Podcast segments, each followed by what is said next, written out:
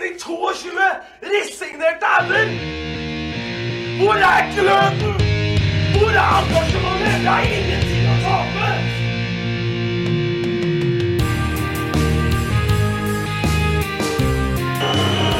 Ja, forlenges tid på Martin Ramsland. Skal du sette etter?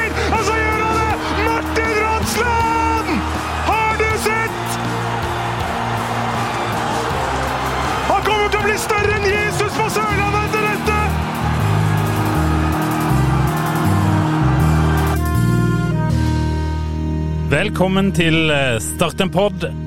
Mitt navn er Lars Gimse. Tom Iversen er med meg. Ja, vi er på 75. ganger på rad, det. Du er det. Og uh, vi er faktisk Jeg er eh, i Lillestrøm for første gang siden 11. desember 2019. Ja, jeg har vært her uh, et par ganger siden, faktisk. Men Ja. det er jo ikke noe tvil om at det er vel det, den gøy, det gøyeste besøket jeg har hatt. Uh, ja. Ja, Det det, si. det vil jeg tro. Mer om det, eller? Nei, helst ikke mer om dine skapader i Lillestrøm, Tom. Uh, riktig. Episode nummer? Eh, 90, eh, 90, 75. 75, men du vil til 1975? Jeg vil 1975, til du. 1975. Men har du funnet noen spillere som har noe antall kamper litt sånn? Én. Ja. Ja, vi skal ha en forsvarsspiller eh, fra 91 til 94. Oi, det er spennende. 91 Eh, til Jørgen Hammersland. Herregud, og godt. Hæ? Er det det spot on? Eh, Det var Jørgen!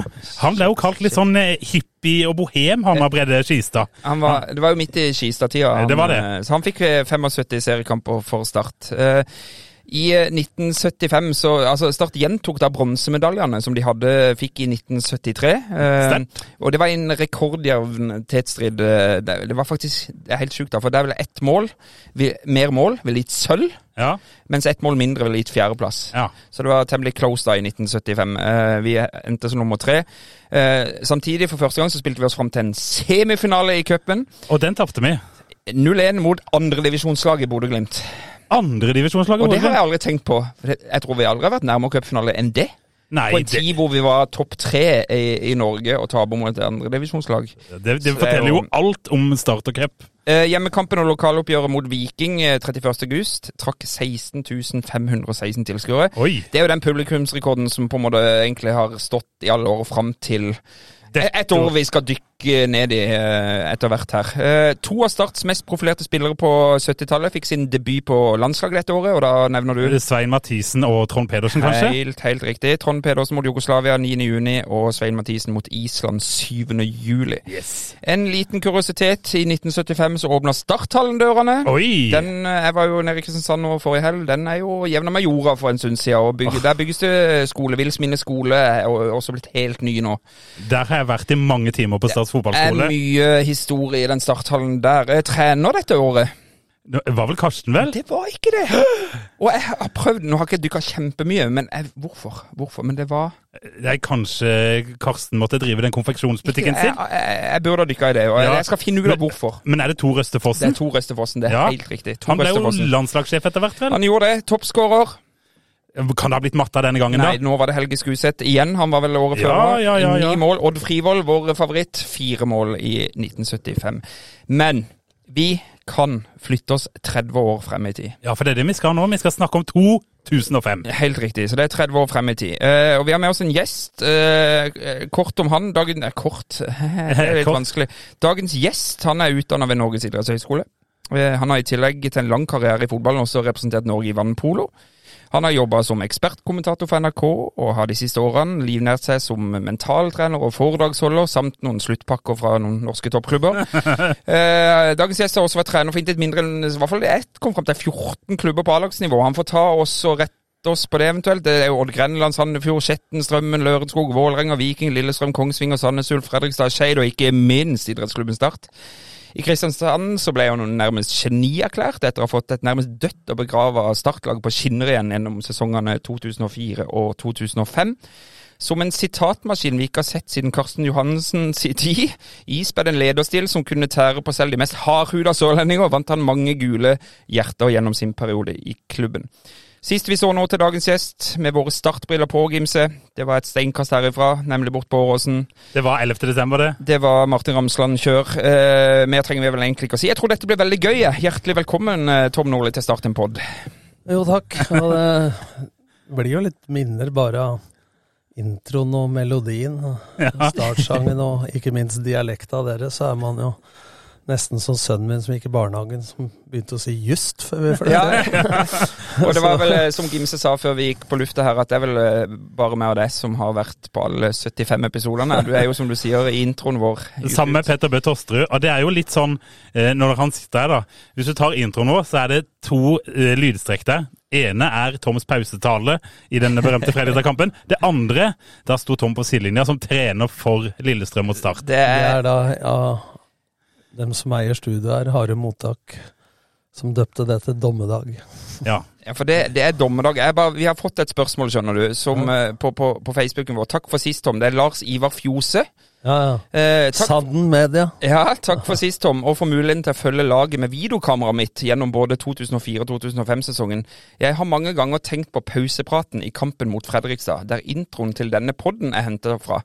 Var det pedagogisk riktig å klikke på gutta? De hadde jo spilt ganske bra, og de fire stolpetreffene var mer uflaks enn udyktighet. Vurderte du å beholde roen i den pausepraten og motivere de til å stå på hviler uten høyere skuldre, eller virka som eller det virka som desperasjonen kom snikende hos deg også, og redselen for at alt skulle gå, at skogen overtok. I den grad man vurderte noe som helst. ja, men det er faktisk det var ganske bevisst. Altså, for å ta en liten historie før det, da, så hadde vi jo ikke skåret på tre kamper i Eliteserien i 2005. Eh, og så hadde vi alltid skåret i annen omgang og avgjort på slutten, for alle sa vi var så godt trent. Det hadde noe med mindset å gjøre. Og da samla jo alle spillerne eh, Og det var da jeg hadde sagt nei til Rosenborg og fortsatt i start. Så møtte vi Rosenborg i første kamp etterpå. Og Da samla jeg spillerne i nå jevna med jorda, som dere sa, starttalen. Ja. Og da kjørte vi sånn som jeg gjør med Jeg jobber jo nå med å få sykmeldte tilbake i jobb, en del avspenning, autogen trening. Da ba jeg dem legge seg ned, og fikk slappe av, pusta sånn først. Og så eh, bare visualisering. Se for dere noen situasjoner vi har slitt i det siste, og se dere lykkes. Og alle mente vi skulle begynne å trene avslutninger. Så kan du ikke gjøre det ofte. Eh, og da leda vi 3-0 etter 18 minutter. Men eh, så er det en annen gang også at eh, jeg var så lei av det, så sa jeg til Erik Soler at nå skal jeg klikke før kampen. Og så bare jazza det opp. Det var helt unaturlig. Etter 30 sekunder så gikk det helt fint. Og da klinte Doffen til Tom Bærhus i skuldra. Og det var tenning, da. Og så leder du. Du kan ikke gjøre sånn ofte, men, men til det, altså Hvis du hadde tatt med hele den pausa, for han lagde jo en dokumentar for NRK, så skryter jo av spillere veldig mye. Men det er ikke så interessant for media å ta med. Eh, skjønn hvor gode dere er. Du har, Jeg har hele mitt tann etterpå. Ja, og, og poenget er jo at eh, For de satt der resignerte og syntes synd på seg sjøl. Så kan du si må, ja, Innholdet står jeg for, men måten kunne du ha justert. Ja. Ikke sant? Så, eh, så det var jo Jeg trodde jo at det var fullt mulig. Så veit man aldri hvis du hadde stått der og bare vært rolig. Da. Det kan godt hende, det. Men, men så tror jo folk at alle pauser gjennom hele karrieren har vært sånn. Det er kanskje én eller to som har vært sånn. Ja. Så tror jo folk at det er sånn hver eneste gang. Så jeg kunne nok eh, fjose. Men det var eh, Du kan tenke deg med 18 000 på tribunen, det er sikra sølv i kampen før du kjemper om gull. Eh, og det- ja, altså Det var følelser i Tom Nordli òg i den eh, pausen der. Det, Ja, altså det på godt og vondt. Jeg tror noe av styrken er å kunne spille på hele følelsesregisteret så lenge det er ekte. Ja. Men uh, kunne sikkert uh, ha evaluert og vurdert og gjort ting om igjen. Men jeg, jeg mener at det ikke var så gærent som det folk skal ha Nei, Ja, ja. Og det, vi har jo selvfølgelig plukka ut de, de beste Vi tar det, fra den vi tar det etterpå, for vi Jeg må jo innom Jeg har faktisk fått en del tilbakemelding at når jeg blir flau av det, som jeg sa til deg når du spurte om du kunne bruke jingeren, så er jo mange som har blitt veldig inspirert og tent av det. da. Ja, ja. Det er folk i Fotballforbundet, Håndballforbundet og alt, så der noen skiller sinne med passion. altså Ja. Det går en sånn ømfintlig grense akkurat der. da, så...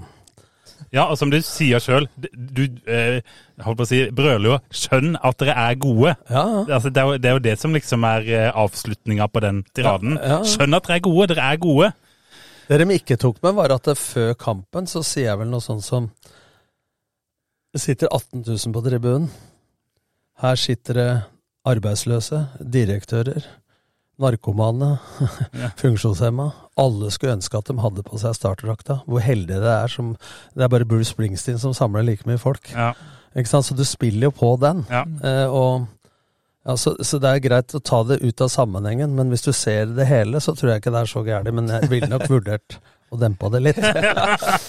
Skal jeg bare si kort om hvordan vi bygger opp dette her. Nå, Ja. nå er det jo 2005 som kommer til å være i, i fokus i denne episoden her. eh, Men vi må jo ha et bakteppe her. Det var, kan, ikke du, kan ikke du dra Skal vi starte med 2004 da, Gimse? Jo, for det at, nå hørte jeg Vi har jo tatt den 2003-sesongen. Den har vi en egen episode i. Ja, og, og, men det jeg syns er litt interessant, for da går vi jo inn i en vinter, og utpå høsten i 2003 så begynner Start å tenke på hvem skal være trener for Start neste år. Eh, Bård Wiggen skal det ikke, ikke være hovedtrener, eh, men da begynner de å snakke med Tom Nordli. Og det står flere artikler i media, og da er Tom Nordli trener for Sandefjord, som jo ligger omtrent på nippet til å rykke opp. Det er helt i eh, skjæringspunktet der. Ehm, og da, da lurer jeg litt på uh, du, du signerer vel for Start før det er avklart hvordan det går med Sandefjord? Gjør du ikke det? Det husker jeg faktisk ikke. Men- Men, men, det var avklart at jeg ikke skulle være der. Ja, for det var avklart Ja, allerede. eh, ja, for at uh, ti serierunder før slutt, uh, så solgte de Jørgen Jalland til Vålerenga. Ja. Og så spør de meg på mandagen, uh, må Geir Bakke, som nå er i Vålerenga, en som mine min assistent i Vålerenga, vil du at vi eh, skal selge Jørgen Jalland? Så visste jeg at, eh, gjennom Geir at de hadde solgt den på så De lekeinvolverte meg. ja. Så sa jeg det at eh, vi skal rykke opp, men jeg slutter etter sesongen. Oh ja, så du Så, var så det var avklart. Ja. Ja, okay. Men, da- men, men da vant vi ni kamper og én uavgjort og kom i kvalik. Ja. Og Ståle Solbakken rykka opp med Hvem, hvem er det som kontakter deg fra Start Uh, sitt ståsted i denne Ja, det var på, i grevens tid, fordi at eh, jeg var på vei til Ålborg, Ja, og Bård Borgersen spilte. Ja. Han hadde hatt meg i Odd, Odd, ja. Mm. og Lynge Jacobsen var sportslig leder. Og Erik Soler ringer eh, 23.20 på vei til Kristiansand, passerer eh, Skien. Og kommer innom gården min og sier vi må ha et møte. Men eh, før det så hadde jeg møtt eh, på et eh, Scandic-hotell i Asker. Så hadde jeg møtt Riulf Rustad og Ernst Ravnås ja. Til en sånn forprat, hvor de sikkert ble kjent med for de var sikkert, jeg visste jo ikke hvem de var engang. Altså investorer. Og så kom Erik ned på gården. Og han skulle jo ha svar før midnatt. det er litt morsom historie. Jeg kan bare ta lønnsforhandlingene. Ja, ja, kjør på. Fordi at eh, jeg tjente jo 350 000 i, i Odd i 98. Liksom vanlig norsk lønn den gangen. Og så rykka opp i Eliteserien. Og da kjempa Erik Soler som min agent Ja. for at jeg skulle få 650-700. Ja. Og det var helt nytteløst. Og han la inn en klausul at jeg kunne gå gratis til Rosenborg. Det var ikke jeg som ville. ja. Og så tilbød han meg vel eh, eh, Altså, jeg tror eh, Han forlangte 850, tror jeg. Ja. Jeg kan godt si det sånn. Og så sier, skulle han gi meg 650-7 i start, da. Ja. Så sa jeg nå er det noen år siden, Erik. Du argumenterte veldig for at jeg var god nok til å få 850 i odd, så jeg tenker vi tar det. Altså. så var det slutt på de lønnsforhandlingene. Men så var det en morsom ting til, for han sier til meg jeg skulle få bonus av klubbens overskudd. Oh, ja. Og jeg kan lese, så jeg hadde nettopp lest at det var noe som het finance credit. så jeg fikk faktisk bonus for sjetteplass, 50 000. Og så 50 for mer for hver plass oppover, så det kunne gi 200, 300 med gull. da. ja. Så det blei 250 for å rykke opp. Og så hadde jeg en prosent, jeg husker ikke hvor mye, av For budsjettet i Obos-ligaen var 4000 tilskuere. Ja. Og det kom 8000 og noe i snitt. Så jeg hadde bonus av det. Ja. Så jeg tjente jo brukbart, da, men det var jo penger dem egentlig ikke hadde allikevel. Så, så når vi skulle forhandle Eliteserien, så gikk jeg vel opp så Jeg tror jeg tjente én million akkurat. og Det er jo egentlig småpenger i dag. Ja.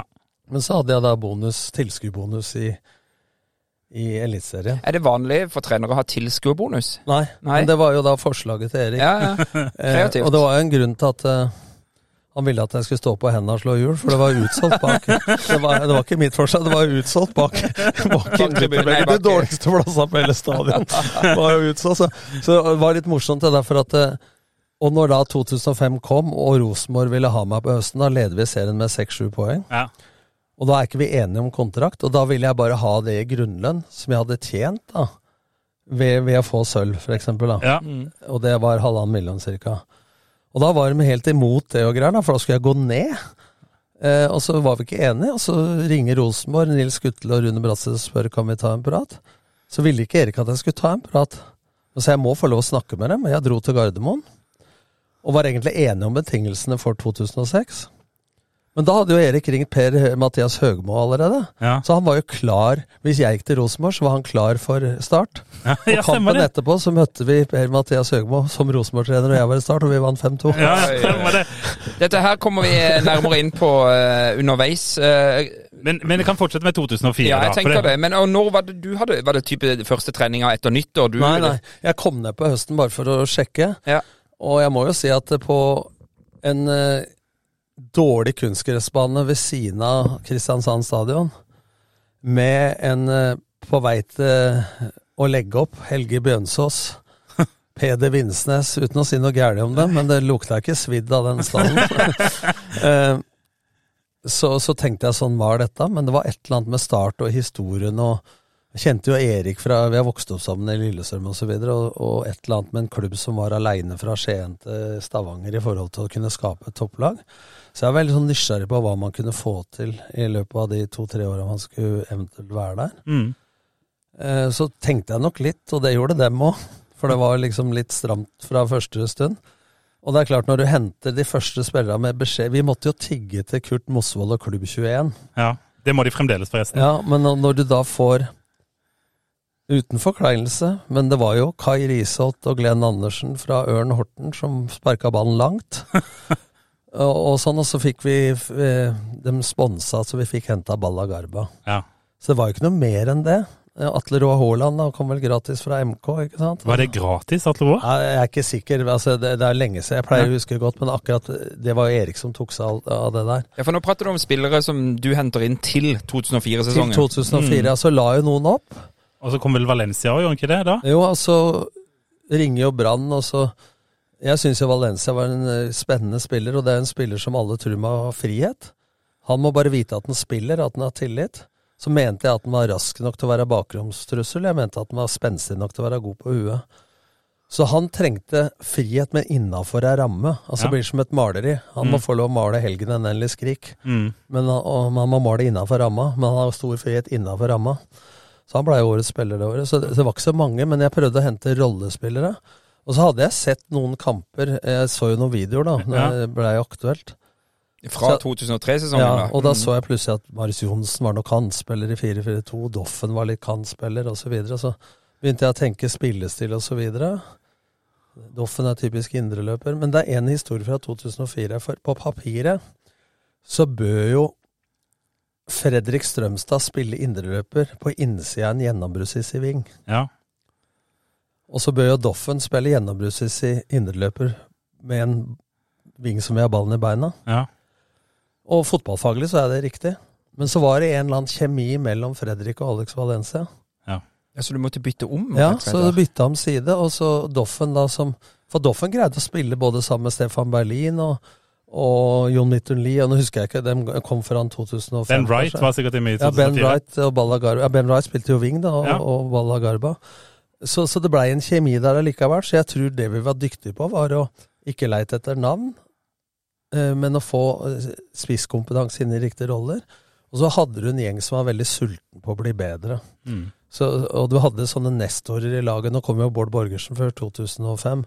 Men du hadde sånne nestorer i laget som Tom Bærus, ikke sant. Mm. Steinar Pedersen, Marius Johnsen. Så de som var best, de kontinuitetsbærerne, selv om de ikke var gamle, de var den som var først på trening, mest egentrening. Altså det blei en kultur. Mm. Og kultur for meg er jo summen av alle individers atferd hver dag.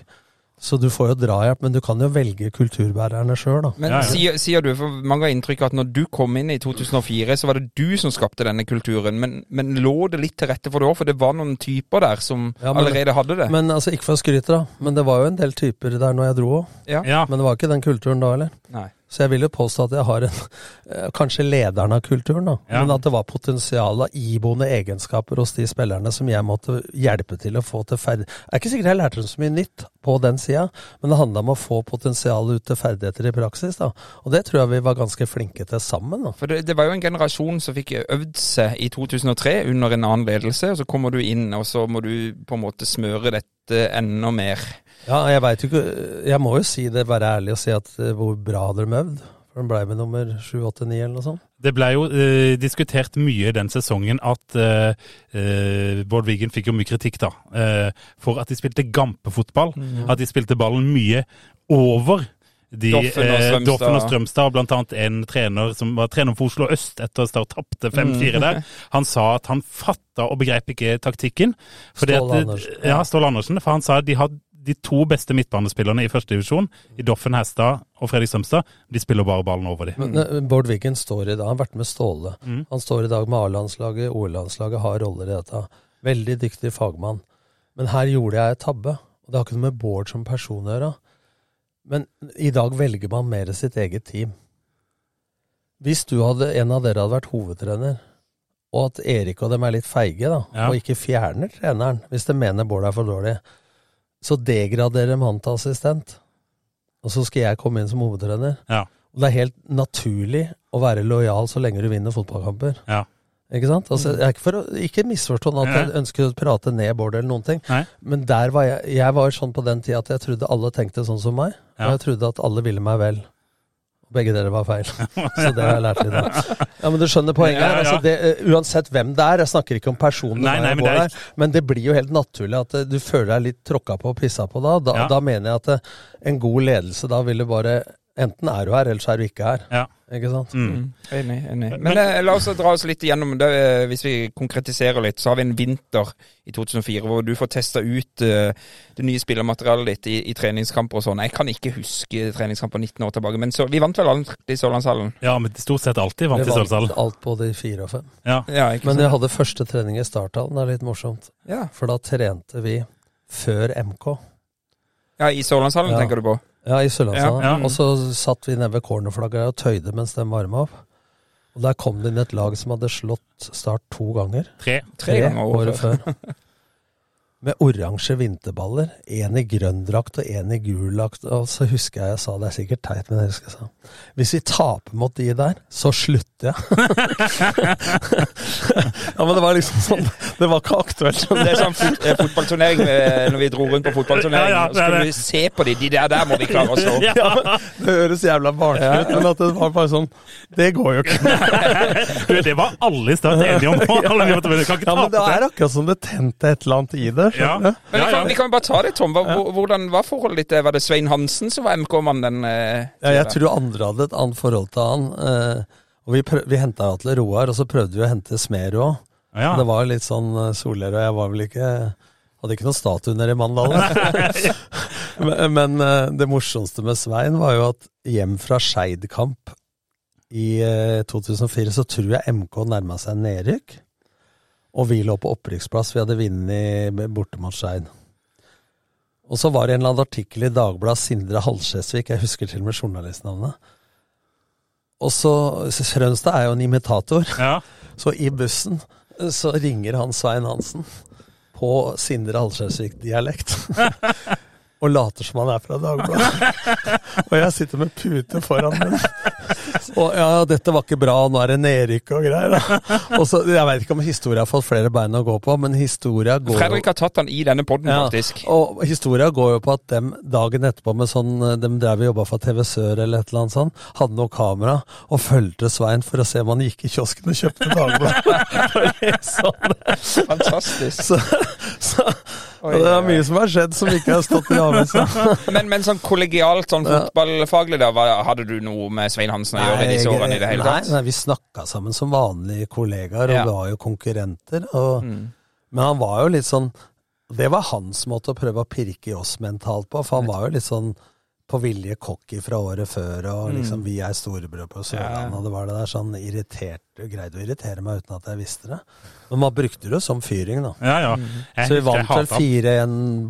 4-1 borte, 4-1, ja. Ja. og så vant vi vel eh, 1-0 eh, Ble ikke det 0-0 fordi at halve laget var syke før kampen, eller? Ble det ikke 0-0 i en sånn sommerkamp i 2004 med veldig mange Ja, en treningskamp, da, eller? Nei, Ja, for vi slo dem to ganger i serien og én i cupen. ja, vi slo de kanskje begge gangene i serien. Jeg gjorde kanskje det. ja. Vi får ta Ja, ja. 2004 Ja. en gang. eh, Hallo, det, vi vant alle tre.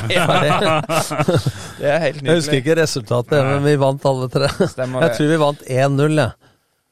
Eh, Det kan nok stemme. og at vi og 4-1, og så Mm. var det 3-0. Men, men um, det, det med denne 2004-sesongen, um, for det, det leder jo på en måte opp til den 2005-sesongen. Hva, hva ble liksom det viktigste uh, som ble gjort i den sesongen for det som skulle komme? Nummer én, altså vi uh, Jeg gjorde så mye Odd at du gjetter litt av sesongbildet. Ja. Og det vil si at vi tenkte at vi skulle være et av de beste laga. Hva blir de viktigste tinga å trene på? Én dødball er alltid viktig. Vi trente ikke på det på trening, men jeg kjørte samme dødball alle treningskamper. Men Ja. da tror alle at det gjør de ikke i kamp, men vi gjorde akkurat det samme. Ja. Og så var det vi kommer til å spille mye angrep mot etablert forsvar. Det vil si at vi må trene mye 11 mot 11. Vi må trene hvordan vi skal møte høyt og lavt press. Som Doffen og Fredrik har sagt også, de visste akkurat hva de skulle gjøre. Hvis motstanderen lå høyt, gjorde vi sånn. Hvis de lå lavt, så gjorde vi sånn uten å gå inn på det taktiske, da. Ja. Vi hadde lang ball, rom to sånn, og ikke gi dem mat å begynne med, osv. Og så var det å finne rollespillere. Altså, når Doffen gikk fra start, så lagde jo Martin Andresen seksere han, sentral midtbane og indreløper av seg sjøl. Da har du brukt snekkeren til rørleggerens arbeid. Det blir feil. Ja. Så vi var ganske flinke til å finne riktige roller til folk innafor det. Og så var det en kontinuitet fra året før, som Bård hadde lagd. Og så var jo lagoppstillinga Rune Nilsen, Steinar Pedersen, Lars Martin, Atle Roar og Marius. Og så var vel i midten Bærus sentralt, med Doffen og Fredrik som indreløpere. Så var det Valencia, Ballagarba og Ben Wright. Ja. Og så kan vi ta, bare for å se bildet, da, så kommer Borgersen inn. Og så kommer Joey Hardarson inn Mm. for Bærus. Så kommer Jon Midtun Lie og Stefan Berlin inn. Så kommer David Nilsen og, og Toddy kommer etterpå, så det var jo Vi brukte 1,5 million bare etter det året, på, eller til sammen, på ti spillere. Det var Men det du lager et godt fundament da i løpet av 2004, med, Ja. med en elver som blir veldig vant til hverandre. Ja, det blir, altså, det blir litt sånn som Bodø-Glimt du ser nå, Ja, at det blir ja. kontinuitet i spillerstil. Altså, noe av vitsen med det var at det Eggen kalte før skjult læring fra spiller til spiller, for dem som har vært med litt, da, når de hadde Trond Egil Soltvedt som indreløper, så henta de Runa Berg, så fikk han fem minutter, ti minutter, en omgang. Og når han ble solgt til Coventry, så var det ingen som huska han lenger, for da var Runa Berg klar. Mm. Altså Sånn bygger jo Hvis du ser hvorfor lykkes de så ti, eh, med en gang folk kommer til Bodø-Glimt, så lykkes de nesten. Bortsett fra Vetlesen brukte litt tid. Det har noe med at det er riktige rolleferdigheter, ikke bare navnet. Så du veit liksom spisskompetansen. Og så da kan spillere så mye at den læringa som skjer fra spiller til spiller, som jeg kaller i klasserommet eller hvor som helst, skjult læring. Når jeg er på seminar, så lærer jeg mest i pausene. Ja. altså, det skal du ikke undervurdere, da. Nei. Og så hadde du den kontinuiteten inn, og hvor trenger vi å styrke oss? Men vi hadde jo ikke så mye penger. Jeg tror vi hadde 14 millioner 16-14-16 millioner i første divisjon. Så hadde vi 27 millioner i 2005, som blei 43 pga. tilskuere og ut og inn og sånn. ja. Og de har jo aldri hatt så lite som 43 millioner etterpå. Nei. Så det kan vi jo ta en annen på. Noen ganger så har de brukt litt mer enn de har da. Men 2004, det er sånn Hva var greia? Ingen skjønte noen ting. Nå er jeg kanskje foregriper jeg litt, men det er jo ett lite minne, da. Men hjemme mot Bryne, i en møkkakamp, hvor jeg visste at hvis vi vant over dem, så var vi ni poeng foran istedenfor tre. Og vi gjør en dårlig kamp, men vi vinner 2-0 på to straffespark av Atle og Auerland. Ja. Og publikum er sånn, og jeg står Jeg, jeg pleier å juble sånn halvsekken opp og ned, og så er det en ny situasjon. Ja. Og da var jeg helt eh, For for meg var det liksom sånn Dette går, nå Ja. rykker vi opp. Selv om det var mange runder før slutt. Ja. Men Det er noen sånne matcher hvor du veit at det blir sesongdefinerende, da, hvis du skjønner Så den kampen der er en som sitter i minnet ditt ennå? Ja, liksom. ja, altså ikke for, ikke for at det var så mye folk eller noen Nei. ting, men at det, jeg husker i huet mitt først, og, og spillemøter og alt, viktigheten av den matchen. Og det er litt sånn at det, når du møter gode lag, så prater man mest taktikk. Når du møter lag alle forventer at du skal slå, så prater du mest motivasjon. Mm. Og, og da ble det en blanding, da, med Ja. Bryne. Men jeg tror det er en undervurdert pedagogisk virkemiddel, da. Ikke sant? Altså, for ofte har jeg gått i en felle at du har prata om det du føler er viktig, Ja. men det å så lese publikum lese, lese spillerne dine. Hva er det de trenger mest? Mm. Og det er lettere i dag med 15 i støtteapparatet enn 4, da. Ja, ja, for det var ikke så mange å gå Nei, det var Wiggen og meg og Rutford. Rutford er jo der litt fremdeles, han. Ja, Så ja. det, Han er finere på kamp han, enn jeg er i bryllup. Han er press i treningsstressen. men, men jeg husker, jeg, hvis vi bare tar det, den Ja, ja. kampen nesten jeg husker best fra 2004, er jo fordi jeg var der sjøl, selv, selvfølgelig. Jeg tipper det er Kongsvinger, Det er Kongsvinger på Hjemslund, som ligger i sin helhet på YouTube. som ligger i sin helhet på YouTube. Asbjørn Rike skåra. Ja, ja. Asbjørn Rike skåra, det er nemlig det! Løpsmaskinen. Og, men det, det tror jeg var, det var på våren. Ja, TV-kamp. Ja, TV-kamp. Begynt sesongen veldig bra. Eh, vi var vel tolv Start-fans på tribunen. Jeg sto nirøyka som vanlig og fikk kjeft fra halve slekta på melding for at jeg sto røyka på TV. Eh, men jeg husker etter den kampen. altså den kampen, eh, Det var sånn ja, Vinne borte mot Kongsvinger, det er 2-0 TV-kamp. Det føltes som om det, ja, denne sesongen går det. Det var en sånn god følelse å ta med seg den der du må huske, som vi har i den andre episoden om 2003, hva vi egentlig kom fra. Ja, hva vi kom fra. men det morsomme Nå kommer jeg på en isse, den må jeg ta. Jeg var jo ganske røslig på den tida. Ja, Og Vi var på La Manga, vært der i 14 år, og du kjeder deg ganske mye på en sånn der hvit campingstol. eh, og vi møter Friska Viljord fra Sverige, Oi! med en svensk dommer som er veldig sånn korrekt. Ja. Og jeg sitter der tjukk og feit da, i sånn grilldress. Og da står jo Wiggen der, solærumsbrun og fin, og, og han eh, Erik Rutfors, som jeg kalte for Otmar Hitzfeldt, han ser jo helt lik ut. De sto i sånn brei beinstilling og henda i kors. Så sitter jeg på en stol da, med magen ut, og så kjefter jeg litt på dommeren. Så kommer dommeren og snakker til dem, så sier han 'Ni måste få han at holde kjeften', og så peker det på meg, da. Og dette skjedde to-tre ganger, så sier jeg 'Du kan snakke til meg, for jeg er hovedtrener', sa jeg. Nei, nei, nei, ni er materialer.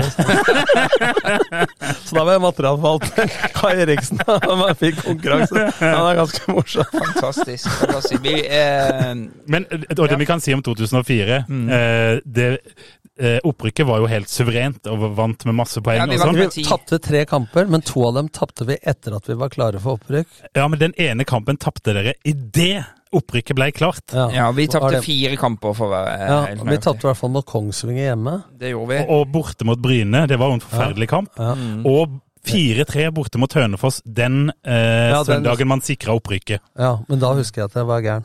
Ja, Men vi tapte vel vi, Den tap mot Kongsvinger var vel i en sånn opprykkskamp hvor alle fikk utdelt sånn opprykks-T-skjorter ved inngang på stadion, kan jeg huske. Ja, det er typisk. Men vi må Hønefoss borte. Ja. Frode Grodås står i mål for eh, Hønefoss.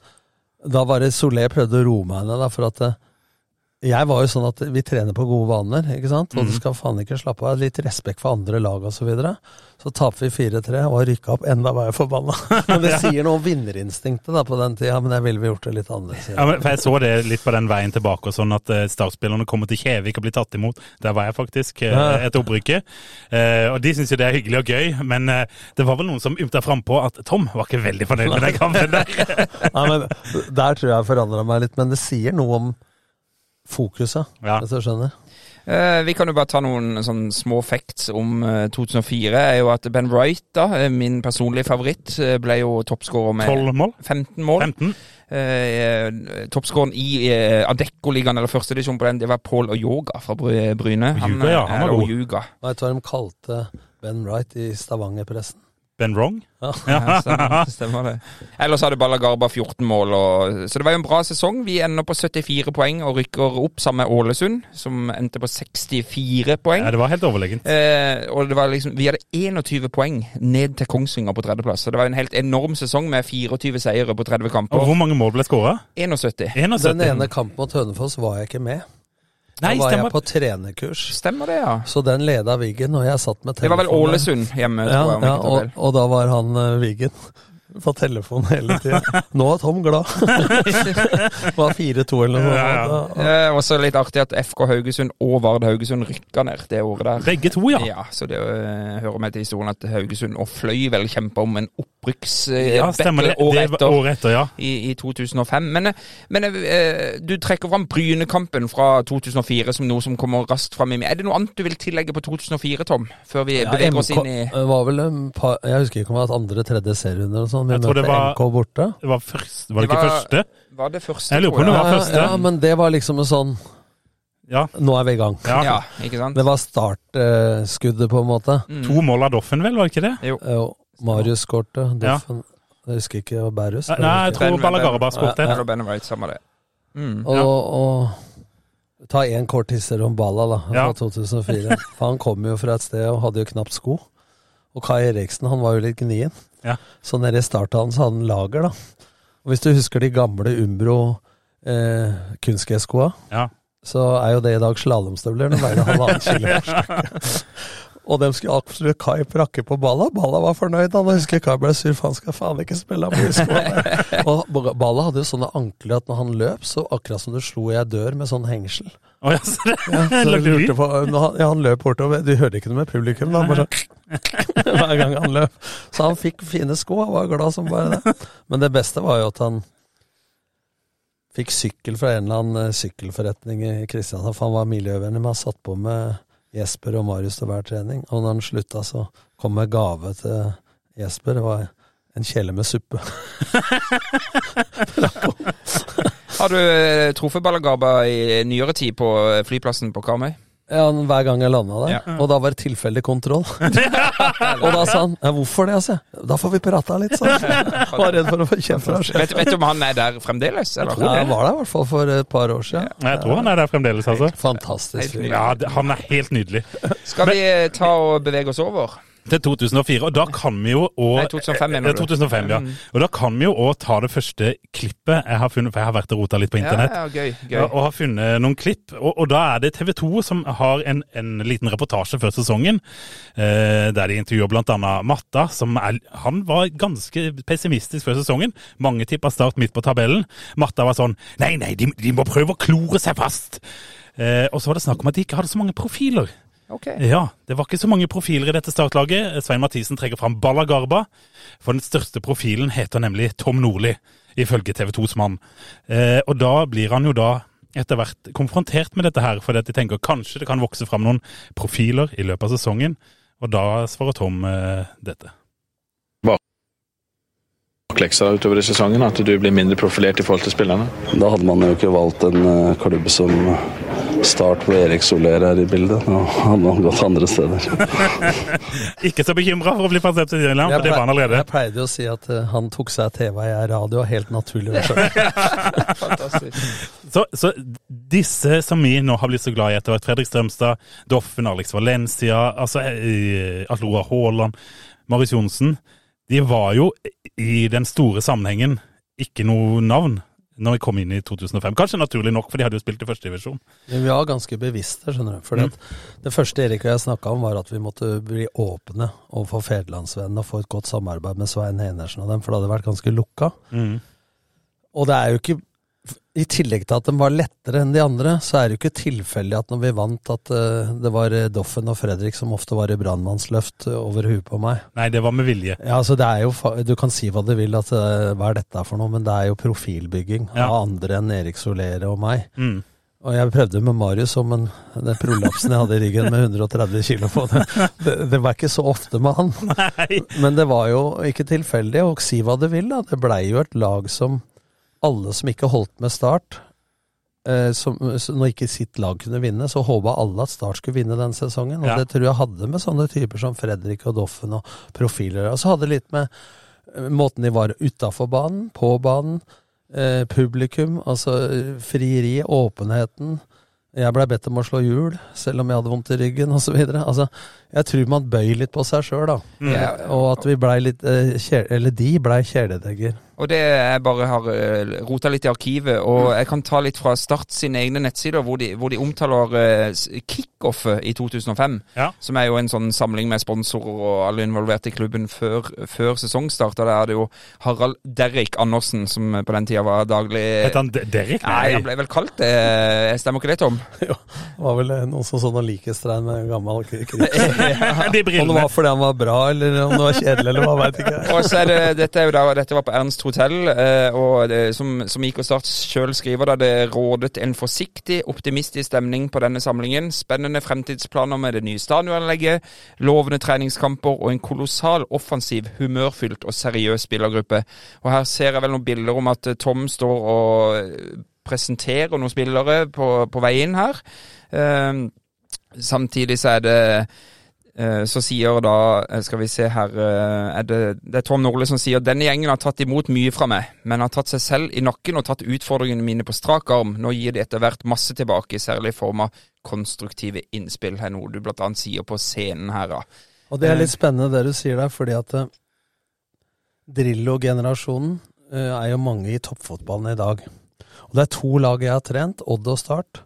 Hvis du begynner å telle Erik Holtan, Ronny Deila, Bård Borgersen, Marius Johnsen, Alexander Aas, Joey Hardarson osv., så, så er de fleste i toppfotballen i en eller annen form i dag. Og det tror jeg har med det utviklingsmiljøet som spillere og vi greide å lage sammen.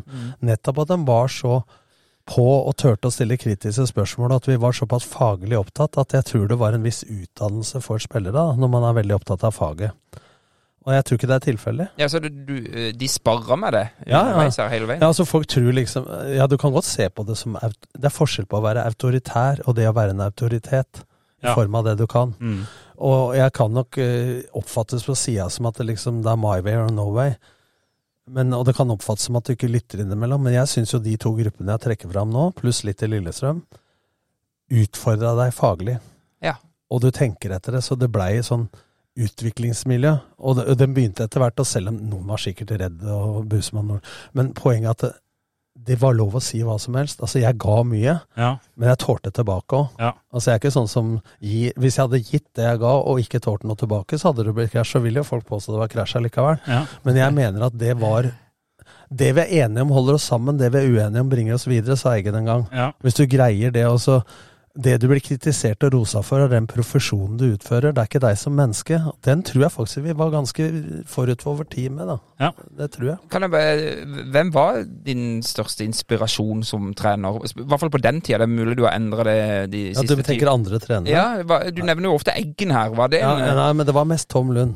Tom Lund? ja. Tom Lund eh, eh, Han satt eh, Altså, faren min var frisør på Strømmen. Han døde da jeg var 17, han var 47, men alle LSK-spillerne satt jo i bakrommet der og spilte kort, så fattern ba jo kundene vente litt som fikk spilt ferdig.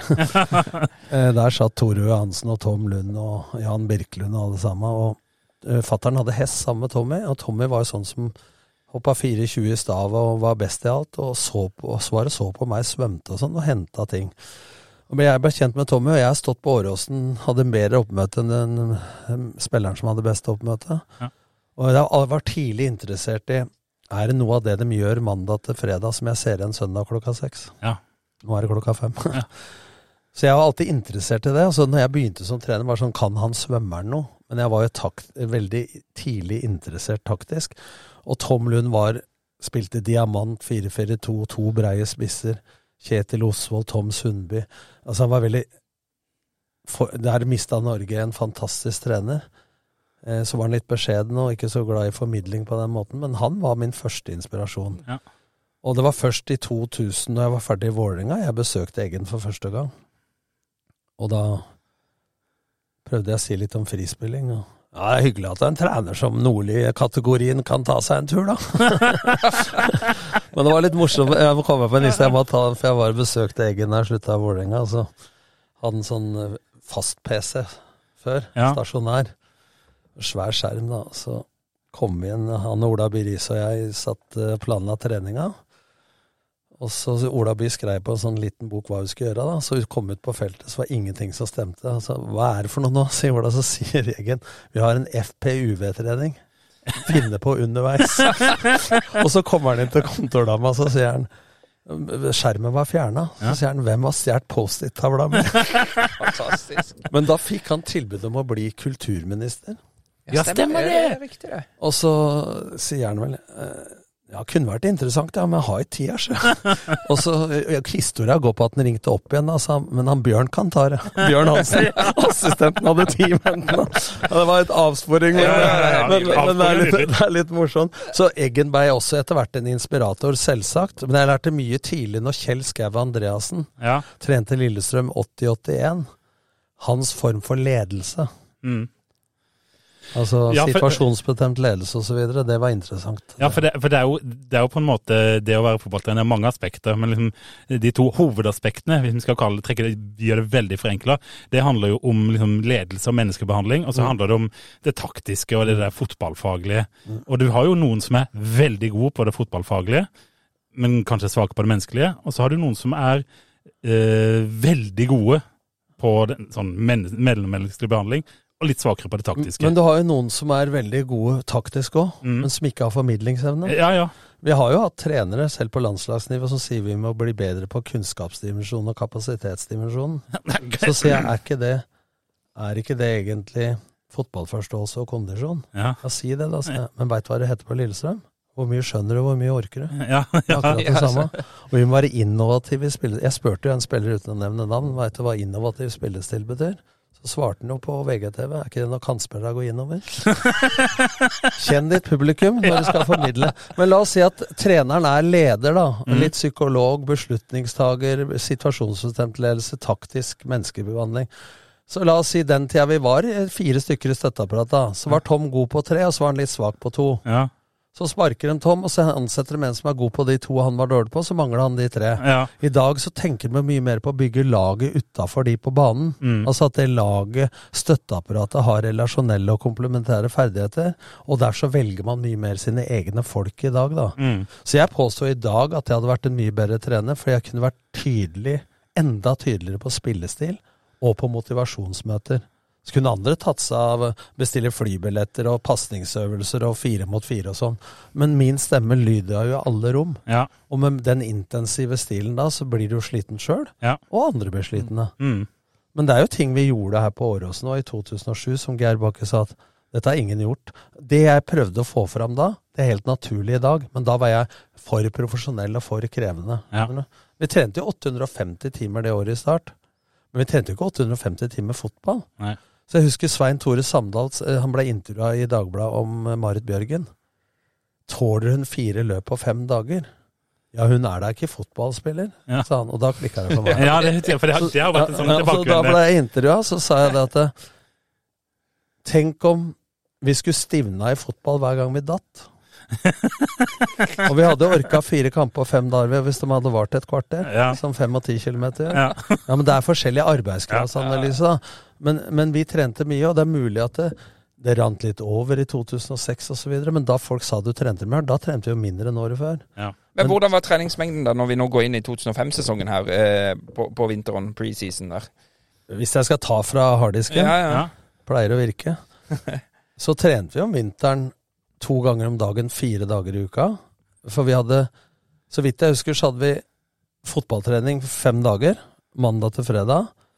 Og så hadde vi to av dagene styrke i tillegg, og to av dagene spinning, så du får restituert altså For jeg var ganske god, godt idrettsutøver, så jeg hadde ganske god uh, intensitetsstyring, uten at vi den gangen hadde vulkanvester og, og laktattester og alt sånt. Det blei litt sånn.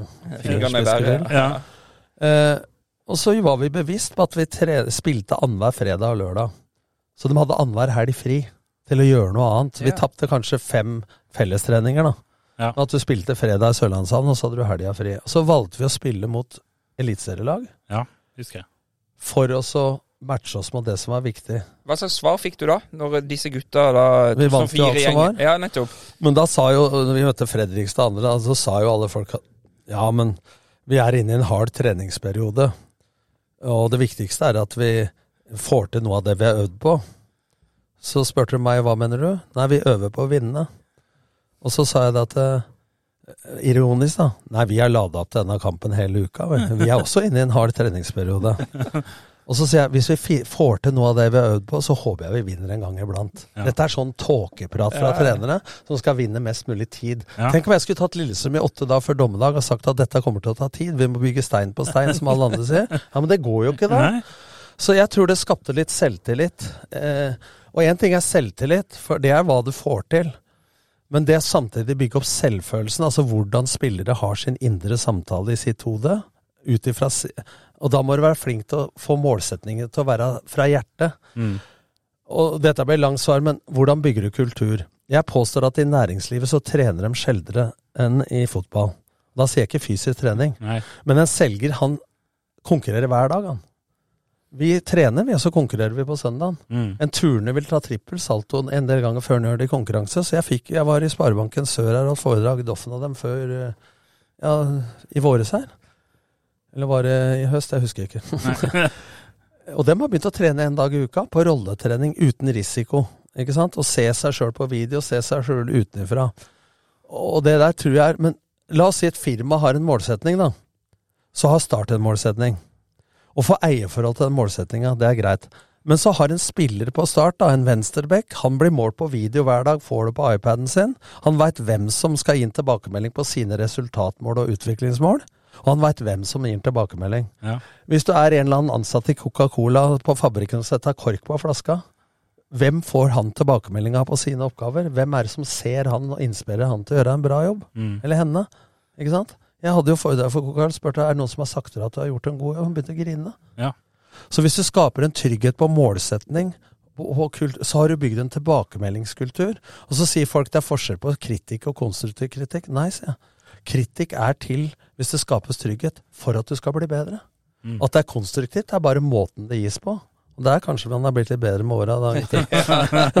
på måten. Men innholdet, hvis du skjønner hva jeg mener. ja, ja. Så hvis folk tror at du flyr rundt og kjefter og sparker til ei bøtte, og er vi, så handler det om, i åtte av ti tilfeller, om planlagt pedagogikk. Mm. Og så er det følelser. Ene eller andre veien, Ja, ja. hvor du mister huet, ikke sant? Hva, men hva, hvordan opplevde du spillerne dine da når uh, man gikk mot seriestart i 2005? Var, var de klare for denne oppgaven? Uh, du nevnte nå liksom masse måter å, å behandle fra ledernivå ned på, på de ansatte, hvis vi kan kalle det det. Hvordan, hvordan var det samspillet inn mot seriestarten? Jeg mener, Nå skulle man opp et nivå. Hvordan eh, Nei, jeg- tenkte Tom Nordli på forventningene? Hva Ja, så jeg, jeg hadde vel bonus for å unngå å rykke ned, og bonus for sjetteplass og bedre. Mm. Og Hva var målsettinga?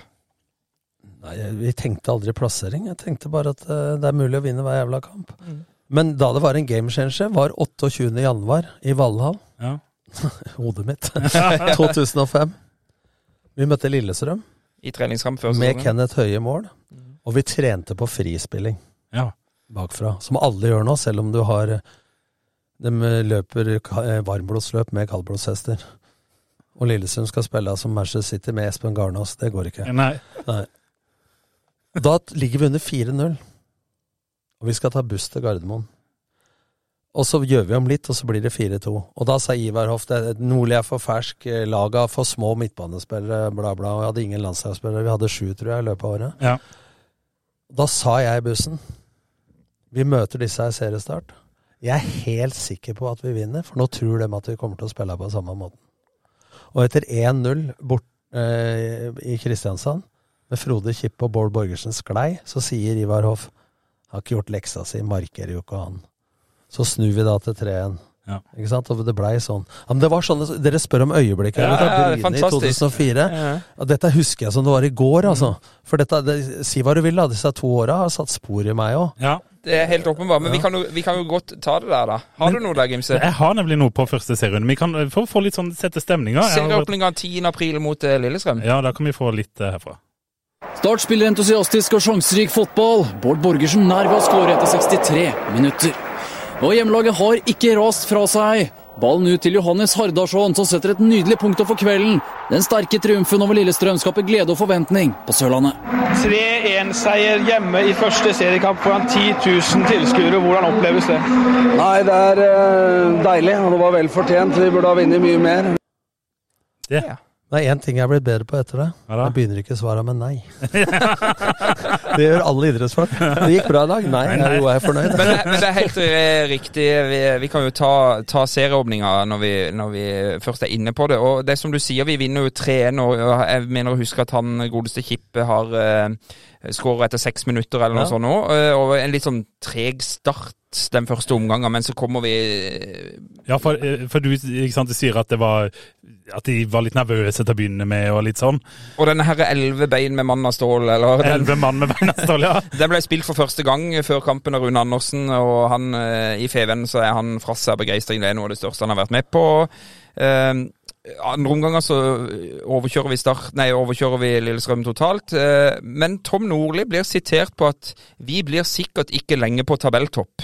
Det blir han sitert Ja. på i, i Feven. Eh, Resten er jo for så vidt historie. Svein Enorsen var jo da eh, datidens Pål Jørgensen Ja. og har 'Drømmestarten' som overskrift i denne kampen. Hva, hva tenkte du etter å ha slått favorittklubben din 3-1 i serieåpninga der, Tom? Jeg tenkte på utad og dempe forventningene. Men jeg sa ikke innad at vi ikke ble lenge på tabelltoppen. Nei, for Hva sa du innad? Nei, jeg sa at uh, det er alt mulig. Ja. Eh, Fordi at uh, det er mange sånn mentaltrenere som sier at du må tørre å si det og det, men når du har nyopprykka, hvorfor legge ekstra press?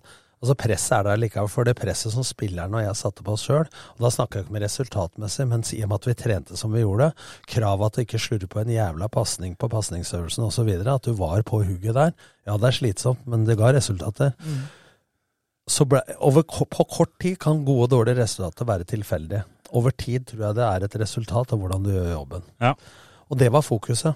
Og det kan godt si vi tar en kamp av gangen og en trening av gangen, men, men det var jo så ille at det, spillere kom hjem fra landslagssamling, bortsett fra Doffen, så var jeg forbanna, for de kom jo hjem med dårligere form. Jeg tok jo faen meg taxi opp på Sognsvann og kjørte dem med intervaller. For den gangen kjørte ikke Bjørneby noe trening for dem som var reserver. Nei. Så de kom, jeg var livredd for at de kom hjem med dårligere form, ikke sant. Hareide så jo skryter av startspillere hvor god form de var i. Ja.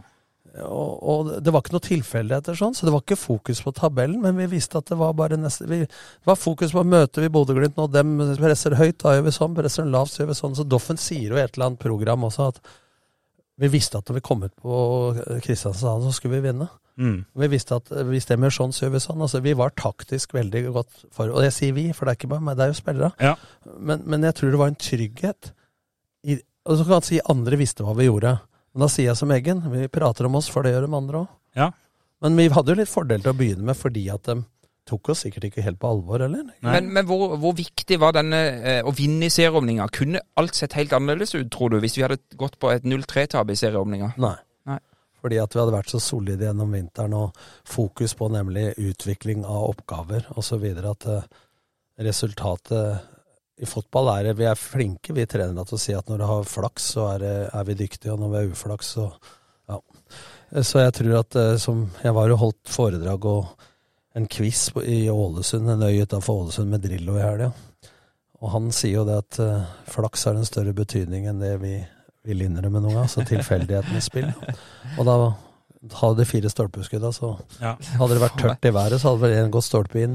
For, folk får jo skru av når vi begynner å nærme oss eh, siste serierunde. nei, nei, Vi kan jo kjapt bare gå videre til i serierunde to, så slår vi Molde på Røkkeløkka. Um, 1-0, var det ikke Det det? er en kamp jeg ikke husker. Ikke jeg heller. Nei, ikke heller. Valla Garba som skårer der. Ja, jeg, jeg så liksom, jeg har sett det opp igjen og sett kampen, og så bare 1-0 borte mot Molde. Husker Nei, ingenting fra den kampen. heller. Men kamp tre, mine venner. Men hvem er det som skårte på Molde? Garba. Eh, Garba. Garba. Balla Garba. Eh, kamp tre, den husker jeg veldig godt. Det var Lyn på Ullevål. Den husker jeg. Ja. Første kampen til Henning Berg. Ja, og det var det. gjørmehøl, var det ikke det? Nei, det var vel ikke Nei, det. Det var fint vær. Eh, Nei, det var mot England, kanskje det var gjørme. 1-1 uh, Borgersen skårer og Start sitt mål. Uh, Den kampen er nok også litt kjent for Jon Orbi Mikkel, som var Mm. veldig i fokus på den tida der, eh, og spilte på, på Lyn. Eh, Og så mener jeg huske at det var en sånn prøveordning på dommere. At det var en sånn dommer fra Romania ah, noe som dømte den kampen der. Oi, Veldig yes, kuriositet, men eh, det er bare noe som dukker opp. Men vi fikk vel Den en husker jeg godt. 1-1. 1-1 der. eh, Og Lyn var jo et godt lag det året. det var det. De endte vel på tredjeplass det året, så, så absolutt noe med Men i kamp fire, mine venner. Ja, Det, er da, det er jo da Tom Nordli piker, spør du meg. Og kan du si 2005-sesongen hvor du kanskje får første smak av hva som venter. For da er det nemlig Viking på Ja, hjemmebane. Viking. Ja. Men du, der har jeg òg litt lyd. Skal okay. vi ta den lyden og bare la den sette tonen for praten om kampen? Gjør det. Start utklasser Viking i andre omgang og spiller fotball av stor klasse. 3-2-målet kommer her. Et vakkert mål av Marius Johnsen. Se og nyt. Svensken Stefan Berlin blir byttet inn for Balagarba og legger på til 4-2. Alex Valencia gjør ydmykelsen total, og Start vinner over Viking for første gang på 11 år. 5-2 i en fantastisk underholdende fotballkamp. Fantastisk. Ja. Jeg kan, minst, jeg minst husker at det var 2-2 ikke så veldig lenge før slutt. Ja, det var i hvert fall 2-2 til pause. Egil. Østenstad spilte. Peter Ja. Kovac. Stopper av Adeila og Hangeland. Ja, det er Dem, jo dem og Hangeland har ikke vært så svimmel siden. Eh, Svein Enåsen kommenterer eh, kampen i Feven dagen etterpå. It's a beautiful day med U2 ljomet ut av høyttaleranlegget på Kristiansand stadion etter at Start hadde rundhjult Viking og sendt Citizen hjem som slakt i går. Det er vel tvilsomt om We Are The Champions med Queen vil bli spilt etter siste serierunde mot Fredrikstad 30. oktober. Skjønt, ingenting overrasker meg lenger med årets startut startutgave, men dagen i går kan ingen i verden ta fra dem som elsker Start. Det er den vakreste på mange mange år, sier Svein Enåsen. Eh, jeg kan vel egentlig kjenne meg litt igjen. Jeg Ja. husker den kampen veldig godt. det, var- Eh, det, var, det var saker, ass. 12 500 tilskuere. Eh, Marius Johnsen hadde vel brassemål. Eh, Bjarte Lund Årsheim, som vi etter hvert skulle få til klubben, ble utvist. Eh, nå må vi bygge nytt stadion på én uke, og den må ha 20 000 seter, sier Trond Are, eh, Jone etter denne her kampen her. Eh, og kan du huske Du husker eh, Jan Ness? Ja, Ness Han landa med helikopter. Han landa med helikopter til denne kampen. Han står vel fremdeles Men det jeg husker best fra den kampen, utenom resultatet Ja. Jeg tror det er mulig jeg tar feil av hvilken kamp, men alle spillere hadde blitt intervjua i programmet. Ti Ja. faste spørsmål. Og så var det Asbjørn Rike sin, sin tur. Og han hadde vel ikke sagt noe annet enn hei og ha det før han nede i Marvika, der stadionet er nå, klinte til Borgersen med knyttneven. Alle spillerne begynte å klappe. uh, og han var en som leverte bestandig. Han var ikke hovmester, han var kelner. Han leverte hele tida. Så svarer han sikkert på vilja, for han var en av de mest intelligente utafor banen. Så svarte han på de ni første spørsmålene. Det er vanskelig å spare spontant på. Så var det tiende spørsmålet. Hva er ditt favorittuttrykk? Det syns han var litt vanskelig å svare spontant på. Det husker jeg godt fra, fra den kampen der. Så det er en fornøyelig historie. Det er jo helt, helt utrolig. Og, og han, eh, eh, men, men det som var med denne Vikingkampen, da, da ble det nevnt en spiller eh, som var en av mine personlige favoritter eh, i denne startutgaven, Mm. eh, og det var Stefan Berlin. Jeg var veldig glad i Stefan Berlin. Har nok noe med å gjøre at jeg alltid har hatt veldig sansen for i sånn 4-3-3-formasjon. Litt sånn målfarlige, hurtige eh, vinger. Elsker det. Hvor, Men Hvordan fikk vi tak i han, Tom? Ja, det kan jeg fortelle deg. Eh, jeg hadde jo sett den, for jeg fikk tilbud eh, en gang fra Djurgården. Eh, Kjell Jonøvre var det, fikk det én gang, og så en gang da Kjell Jonøvre fikk sparken, men da havna jeg jo i, i, i Var det da? Nei, det var 2006. Da havna jeg i Viking isteden. Ja. Men eh, han hadde spilt i Vesterås og spilt i Berlin. I, Stefan Berlin hadde spilt i og blitt seriemester med Djurgården, så jeg hadde sett en del videoer. Men jeg visste jo ikke at han ikke hadde trent på lenge. Tok hun opp, og vi, vi hadde jo ikke penger, vi sjansa jo på denne fyren. Og Han, og han var jo helt hvit i trynet og like lang på håret som Gimse. Så det så ut som jeg henta han rett fra plata. Så, så kom jo Doffen og Marius, jeg tror det var de to som kom bort til meg, for han orka én kamp, fire mot fire, og vi var jo godt trent. Og vi spilte tre eller fire minutters kamper, og var helt ferdig. Hva er det du har henta nå, Tom? sa gutta. Men jeg, jeg hadde jo sett foten hans, venstrekant, innover, farten, første touchen, evnen til å svinge den i der han traff stolpen litt for ofte Ja. etter hvert. Eh, men han var jo ikke fysisk fit, så vi ofte brukte Jon Midthun Lie for å presse høyt Ja. til motstanderne ble møre. Og så, hvis du måtte ha mål, eh, eller var sliten, så satte du inn Stefan Berlin. Så det var jo en bevisst strategi, for at han var ikke en sånn boksåpner som Fredrik Strømstad som kunne drible folk én mot én. Han var mer farten og touchen, altså med, medløpsfotball. da. Mm. Han var ikke noe sånn stå stille og drible, som Valencia var med oversteg og sånn. Så han kunne jo ikke spille liksom så ofte fra start. For fotballkamper er jo jevne ca. en omgang eller 60 minutter hver gang. Krig og spill og motspill. Så det var jo bevisst bruk han, selv om han ikke var like fornøyd. Men dette var ikke en spiller du kjente til fra før? Den ble spilt inn av Var det Kjell Jonev? Nei, jeg, jeg hadde sett den, var jeg som Ja, du, du var du som fant den, ja. Mm. Du må ja. følge med, Tom! Jo, jo, unnskyld. Men det uh, var en gang jeg holdt på å sette opp Stefan eh, fra start, for han var litt sur, og så hadde han med seg de to stygge kattene sine, og da ble jeg redd. Har du sett dem? Det var to sånne rasekatter uten hår og alt. Så jeg var jo reddere da enn jeg så løvene i Dyreparken. Stefan Berlin er jo en eh, figur jeg har lyst til å ha inn i denne podkasten her på et eller annet tidspunkt. Det er kultfigur. Ja, han, han, han, altså alle i, altså han gikk jo til Odd etterpå, eh, og der gikk det vel ikke så bra. Men i Start, jeg tror alle som var eh, supportere av Start der, sier du Stefan Berlin, så begynner de å smile, Det tror jeg. er for- helt fantastisk. Fantastisk fyr. Og Uh, han leverte jo varene etter hvert, han, utover i Ja, ja, sesongen. men altså, det var jo en kjempe De fleste av dem vi henta, som han var gratis til, var, blei jo bra. Ja. Ja, det gjorde Det det. er mye- Og, Og så sier jeg tør å si det, for at jeg sier at ja, ja, men du var heldig som hadde så mye bra spillere. Ja, men hvor bra var de når du kom? Mm. Og hvor har de vært etterpå? Så det var jo noe riktig vi måtte ha gjort i forhold til spillestil og roller og sånn, da. Ikke sant? absolutt. Og det, det er nok mange som tenker akkurat det. Hvem er god sammen med hvem? Og, og så vil jeg bare og da kan vi jo, For det er jo en annen fyr som var på venstresida, Marius Johnsen. Og som vi hørte i det klippet i stad fra denne Vikingkampen, så skårte han et veldig flott mål. Eh, og det vil bare gå inn og se. Husker du det, Tom? Ja, Man ble jo toppskårer med åtte mål som venstreback. Ja. Tenk deg det.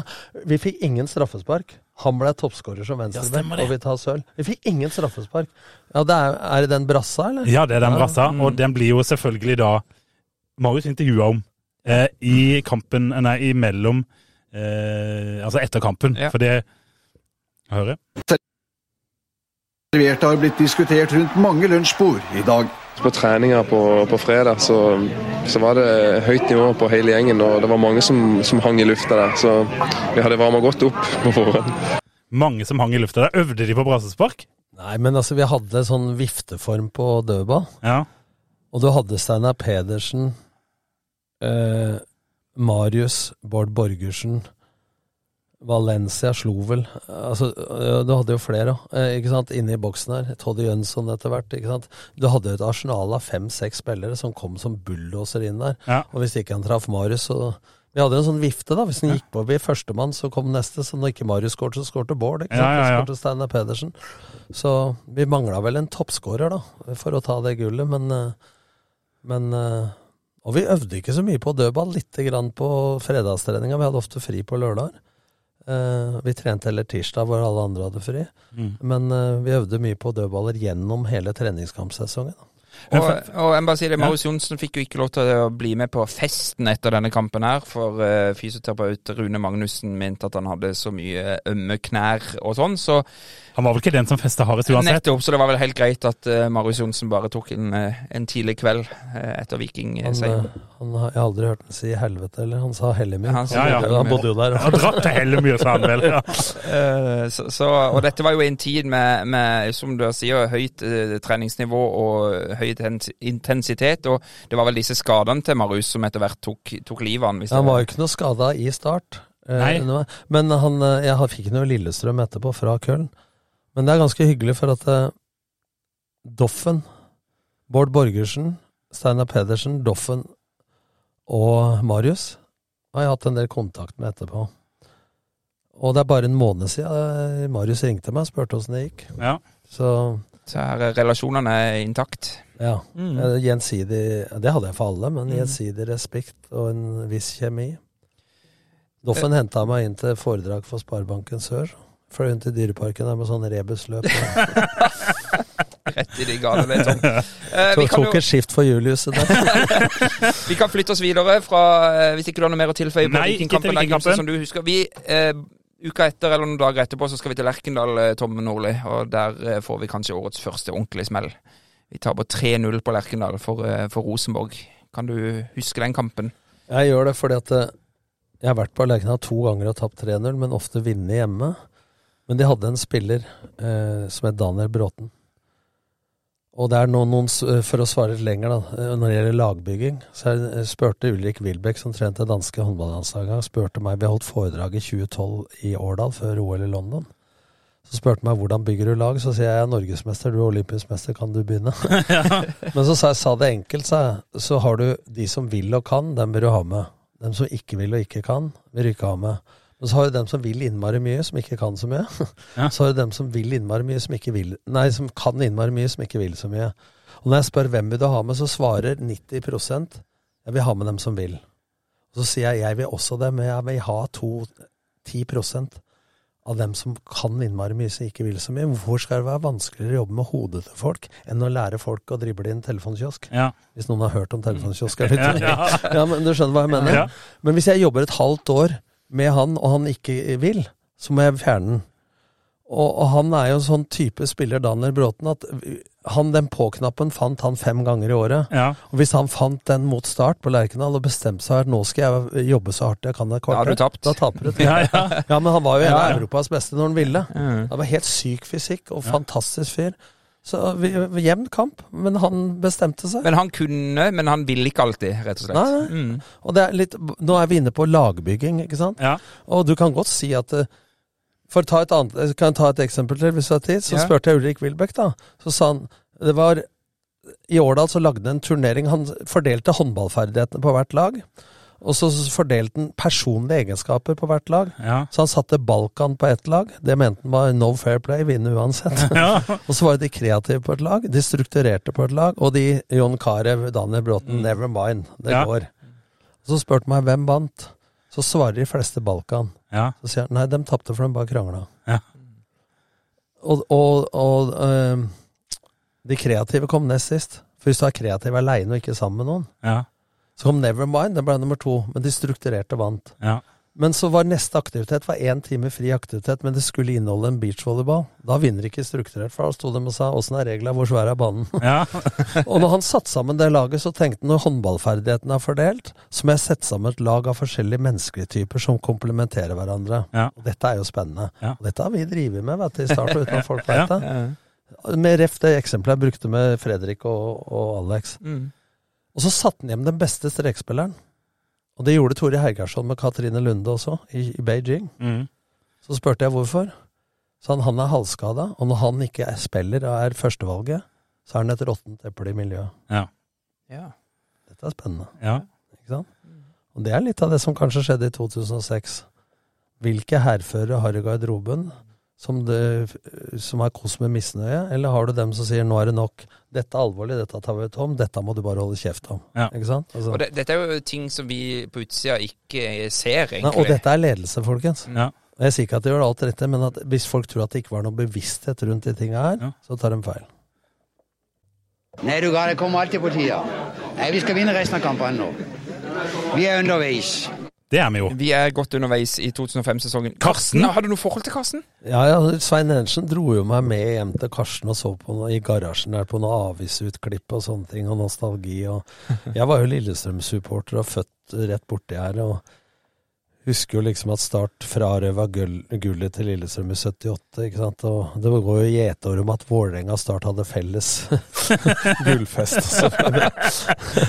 Så, og jeg har jo historie med Karsten at uh, han var så lei av det reiseantrekket som han fikk. En dress. og det var sto på en sånn dokke utafor i Markens konfeksjonsretning konfeksjonsforretning hans. eh, Den dressen han hadde fått, var til halv pris. Dagen etterpå så Nei, Karsten var en, eh, var en eh, herlig fyr. Og han og Brede var jo to som hadde satt eh, Start på kartet ordentlig, da. Ja. Sammen med spilleprofiler, så Traff du Brede Skistad noen gang? Nei. Nei. Men jeg kjenner broren Bård oh, yeah, ja. veldig godt. Mm, mm. Gjennom trenerforeningen og sånne Ja. ting. Så Mm.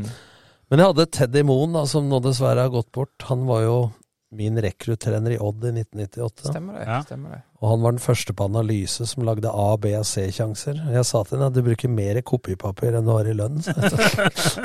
Han har Jeg husker godt fra Sportsrevyen. Han tok over Start, og Ja. så sto han og vaska garderoben. Ja, det, er, et nydelig bilde av det. det er sånn Nå har du mista det. Vi har jo hatt med Teddy i et par episoder. er fantastisk mann. Ja, helt Fantastisk. nydelig. Helt nydelig. Det, vi kan gå litt videre. Vi er godt underveis. Ja. Eh, vi tapte på Lerkendal 3-0 med en Daniel Bråten som var påslått. Ja. Det er helt riktig. Vi, det- for dette syns jeg er interessant. For i påfølgende kamp så har vi Odd Grenland på hjemmebane. Eh, ikke så viktig, men vi vinner 4-0. Jo da, det er viktig. Men det jeg har registrert, og det jeg kan minnes, at da var det plutselig nede i 7500 tilskuere. Ja. Og det er litt sånn Sørlandet.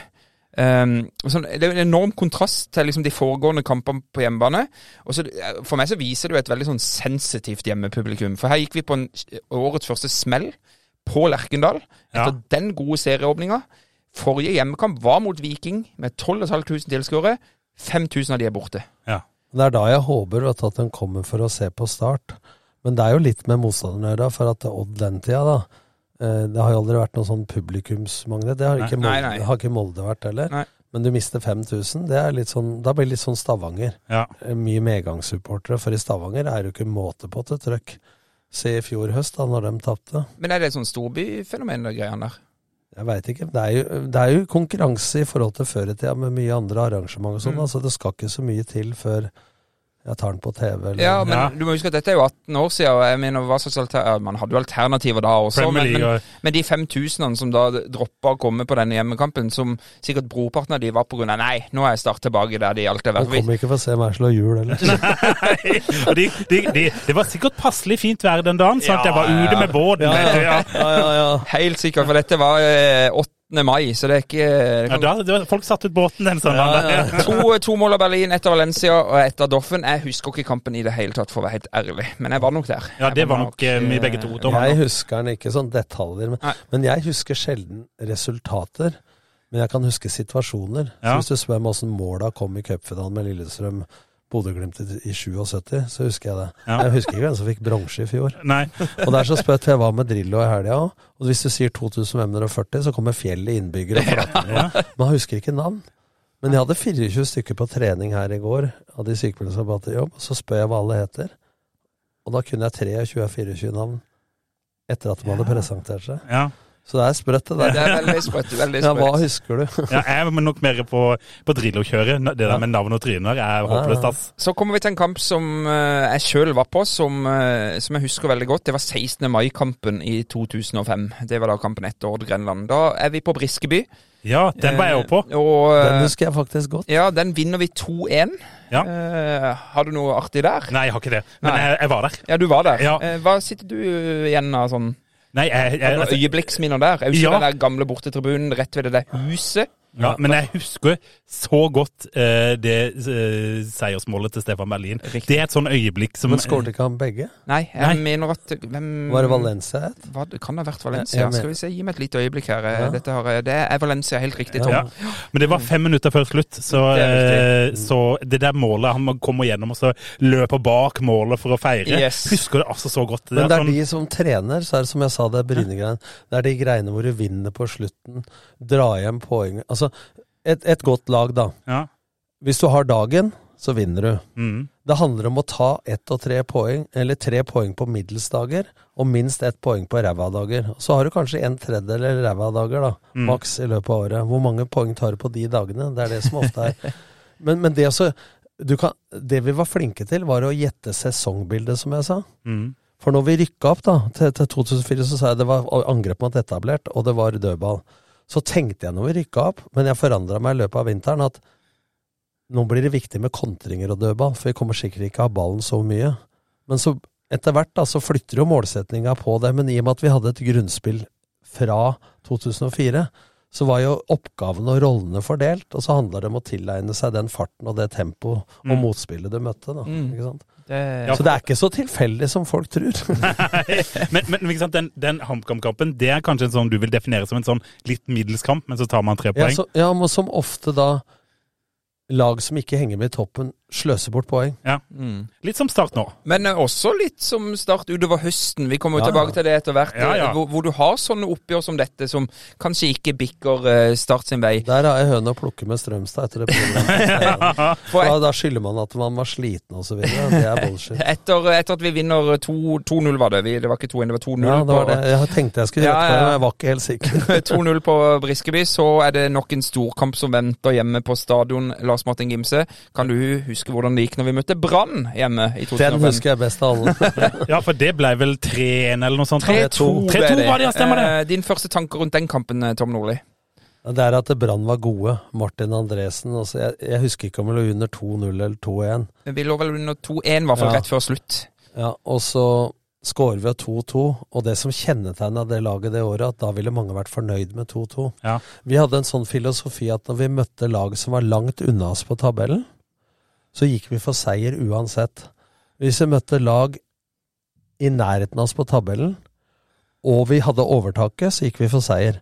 Men hvis vi var i en kamp sånn som mot Brann borte, at du blir eh, rævkjørt, Ja.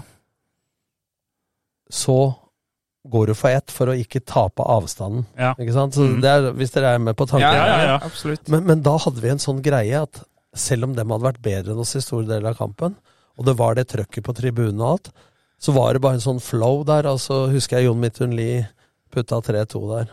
Og det var sånn euforisk, for Brann var jo en av gullfavorittene. Ja. Eh, Svein Enersen er jo på, på kjøret her med Sørlandet har flere idoler på gang. Dette var jo bare rett etter at Jorunn Stiansen hadde vunnet Idol i 2005. Ja. Og så skriver Svein Enersen videre Ja, var god her nå, Svein Enersen. Det er helt sinnssykt, Ja. sa Jorunn Stiansen når hun vant Idol. Det er ikke mindre sinnssykt det som skjer med Start, sier Svein Enersen. Så det er jo eh, voldsomme tider for eh, Sørlandet. Alt lyktes for Sørlandet da. Men eh, du var inne på matchvinner Midtun Lie. Han hadde fått en del tyn fra fansen, han faktisk. I, har denne fått alle steder. Ja. Eh, og, og Tom Nordli da sier at eh, slutt å henge ut Jon. For de som ikke vet det, gjør Jon alltid en viktig jobb for laget. Han gjør faktisk en like stor jobb som Doffen. Ja, han, en, Fortell oss litt om eh, Jon Midtun Lie. For det er en spiller som trenere elsker, og supportere ikke legger så mye merke til. Mm. Det blir litt sånn som Matthew på Lillestrøm. Henrik Skogvold har vært, som var ledig til start, fikk sang etter fem minutter. Matthew brukte fem år. ja.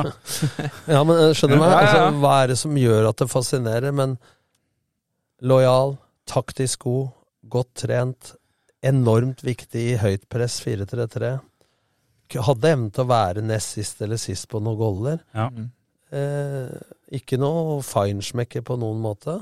Jeg hadde den i Lillestrøm, og, ja, og folk hata han like mye. Men det er sånn en klassisk rollespiller, dette Jeg hadde en slik type i Odd, jeg, som het Tor Gunnar Johnsen, som var i Molde, og, og Ja. som har bare kjeppjagd overalt. Helt til jeg la fram statistikken på mye av Manestis nest sist, tredje sist. Men når han gjorde en feil, så så det så jævlig klønete ut. At da er det lett å henge idioten på en knagg, da. Ja. Og sånn var det med Jon da, når han tok en oversteg og snubla litt i lissa si og sånn. Men han var jo så laidback, vet du, at når jeg var i Lillestrøm Setter det litt på spissen nå. Jeg tror han knapt visste hvem vi skulle spille mot i cupfinalen. I Så den gangen- ja, med, ja. Så den, den gangen det var papiraviser, så tror jeg han brukte de rosa sidene i VG oppi blomsterpotta til kona. men, han var, men han var sånn Jeg hadde den jo, jeg hadde den jo i Sandefjord. Og vi møtte Lørenskog her borte. Og vi kunne ta ledelsen i førstedivisjon eh, med Sandefjord hvis vi spilte uavgjort eller vant. Og det var så dårlig vi lå under 2-0 til pause. Og det er den eneste pause jeg har vært like sint som uh, mongoens. og da tok jeg en banan, eh, sånn i affeksjon, og klinte i veggen. Så rant det litt ned bak ryggen på Jon. Så titta han opp sånn, med sånn halvåpne øyne, så sånn Nå syns jeg du gikk litt langt. så noen må omtrent banke opp for at de skal løpe. Og andre har så høyt spenningsnivå at "Øh, dette er ikke farlig, slapp av, bare gjør dere. Altså, det handler jo om under huden på hver enkelt. Ja. Og det er ikke så lett med 22 eller 20 i en garderobe. Noen blir best av å bli sparka i ræva, noen blir best av å kjæles med. Så du treffer jo aldri alle, ikke sant. Så Jon var en Han har vært fysioterapeut i Odd etterpå. Stemmer. Eh, han, eh, bare avslutningsvis på Ja. Brannkampen. Uh, Mons Mjelde, Brann-trener på den tida. Vi stifter jo bekjentskap med han i Start etter hvert. Eh, Han har følgende kommentar til kampen. Jeg er ikke imponert over Start. De har arbeidsmoral, flyt, evne til å jobbe i egen boks og fin kontringsvilje. Men at de henger med helt til slutt, det tror jeg ikke. De, de er kjempegode på mange ting som er viktig i fotball, men de er ikke så gode, egentlig, det han sier der. Og så har jeg et spørsmål til deg, Tom Nordli. For i denne perioden her, for det er i hvert fall det når jeg har dykka i arkivet, så er det også en overskrift som står 'Tom Nordli lar seg ikke presse' når det gjelder forlengelse av kontrakten. Hvordan var det å ha forhandlinger med forlengelse av kontrakt oppi alt dette som skjedde på, med Start og på banen her nå samtidig? Jeg skulle gjort det om igjen, både fra klubbens side og min side. Så burde vi gjort det der på en mye smidigere måte. Men, men det var jo da noen også som syntes at Doffen og Fredrik og jeg og som Marius fikk for mye oppmerksomhet. Og misunnelsen er større enn det meste. Sterkere enn kjønnsdriften, pleier jeg å si på Sørlandet. Ja. Eh, så Men klarte du å luke ut Jeg gjorde det, Ja, men jeg t- tror kanskje at eh, Jeg husker det var intervju med Doffen og Marius og sånn som sa at eh, For dem fikk jo tilbud fra Brann med to millioner i lønn og tjente 600 i start. Eh, Men de sa jo da at jeg var god pedagogisk og fikk maks ut av spillere osv. Og, og så tupper du til ei bøtte, og så er du plutselig idiot. Eh, Men, men poenget da at jeg tror de var fascinert av det vi hadde, og hvis jeg skulle gjort det om, om igjen, så burde man enten ha avklart det før, ja eller nei. Eh, Men så kommer Rosenborg på banen osv. Men det var jo mest Jeg ville være der. Så før Rosenborg kom på banen, hvis de bare hadde Jeg forlangte ikke noe mer enn den lønna jeg trente med bonuser, som grunnlønn. Og etter å ligge i toppen og få gullet, visste jo at vi fikk gull, sølv eller bronse. Så var jo ikke jeg noe storforlangende i det hele tatt. Nei. Så det mener jeg at det kunne man ha selv begynte å lure hva det lå til grunn for det, da. Om det var Trener vi for hardt, eller er den for Mm. slitsom, eller er det ditten eller datten? Nei, for Jeg spør deg egentlig hvordan det var å, å håndtere dette oppi alt som skjedde rundt For meg var Du kobla det av? Ja, det var, var Mm. ikke noe problem. Men Nei. jeg tror at uten at jeg kjenner hodet til alle, så kan jo det ha vært et forstyrrende element. Ja, ja, Spillere begynner å tenke skal Tom være her?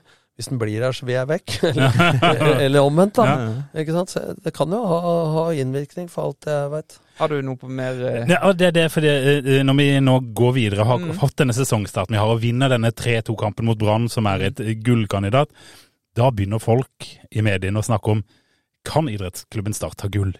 Og da må jo spillerne begynne å svare på dette her, Ja. selvfølgelig.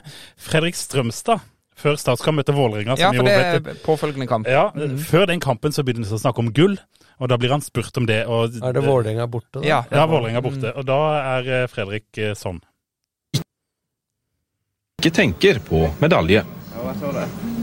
Sier du dette for, i frykt for at Tom Nordli skal sette seg på det hvis du snakker om medaljer her? Nei, jeg gjør ikke det. Eh, Men jeg vet ikke. Han veier jo litt. Det hadde sikkert ikke vært noe godt. Han hadde nok knust meg, tror jeg. Absolutt.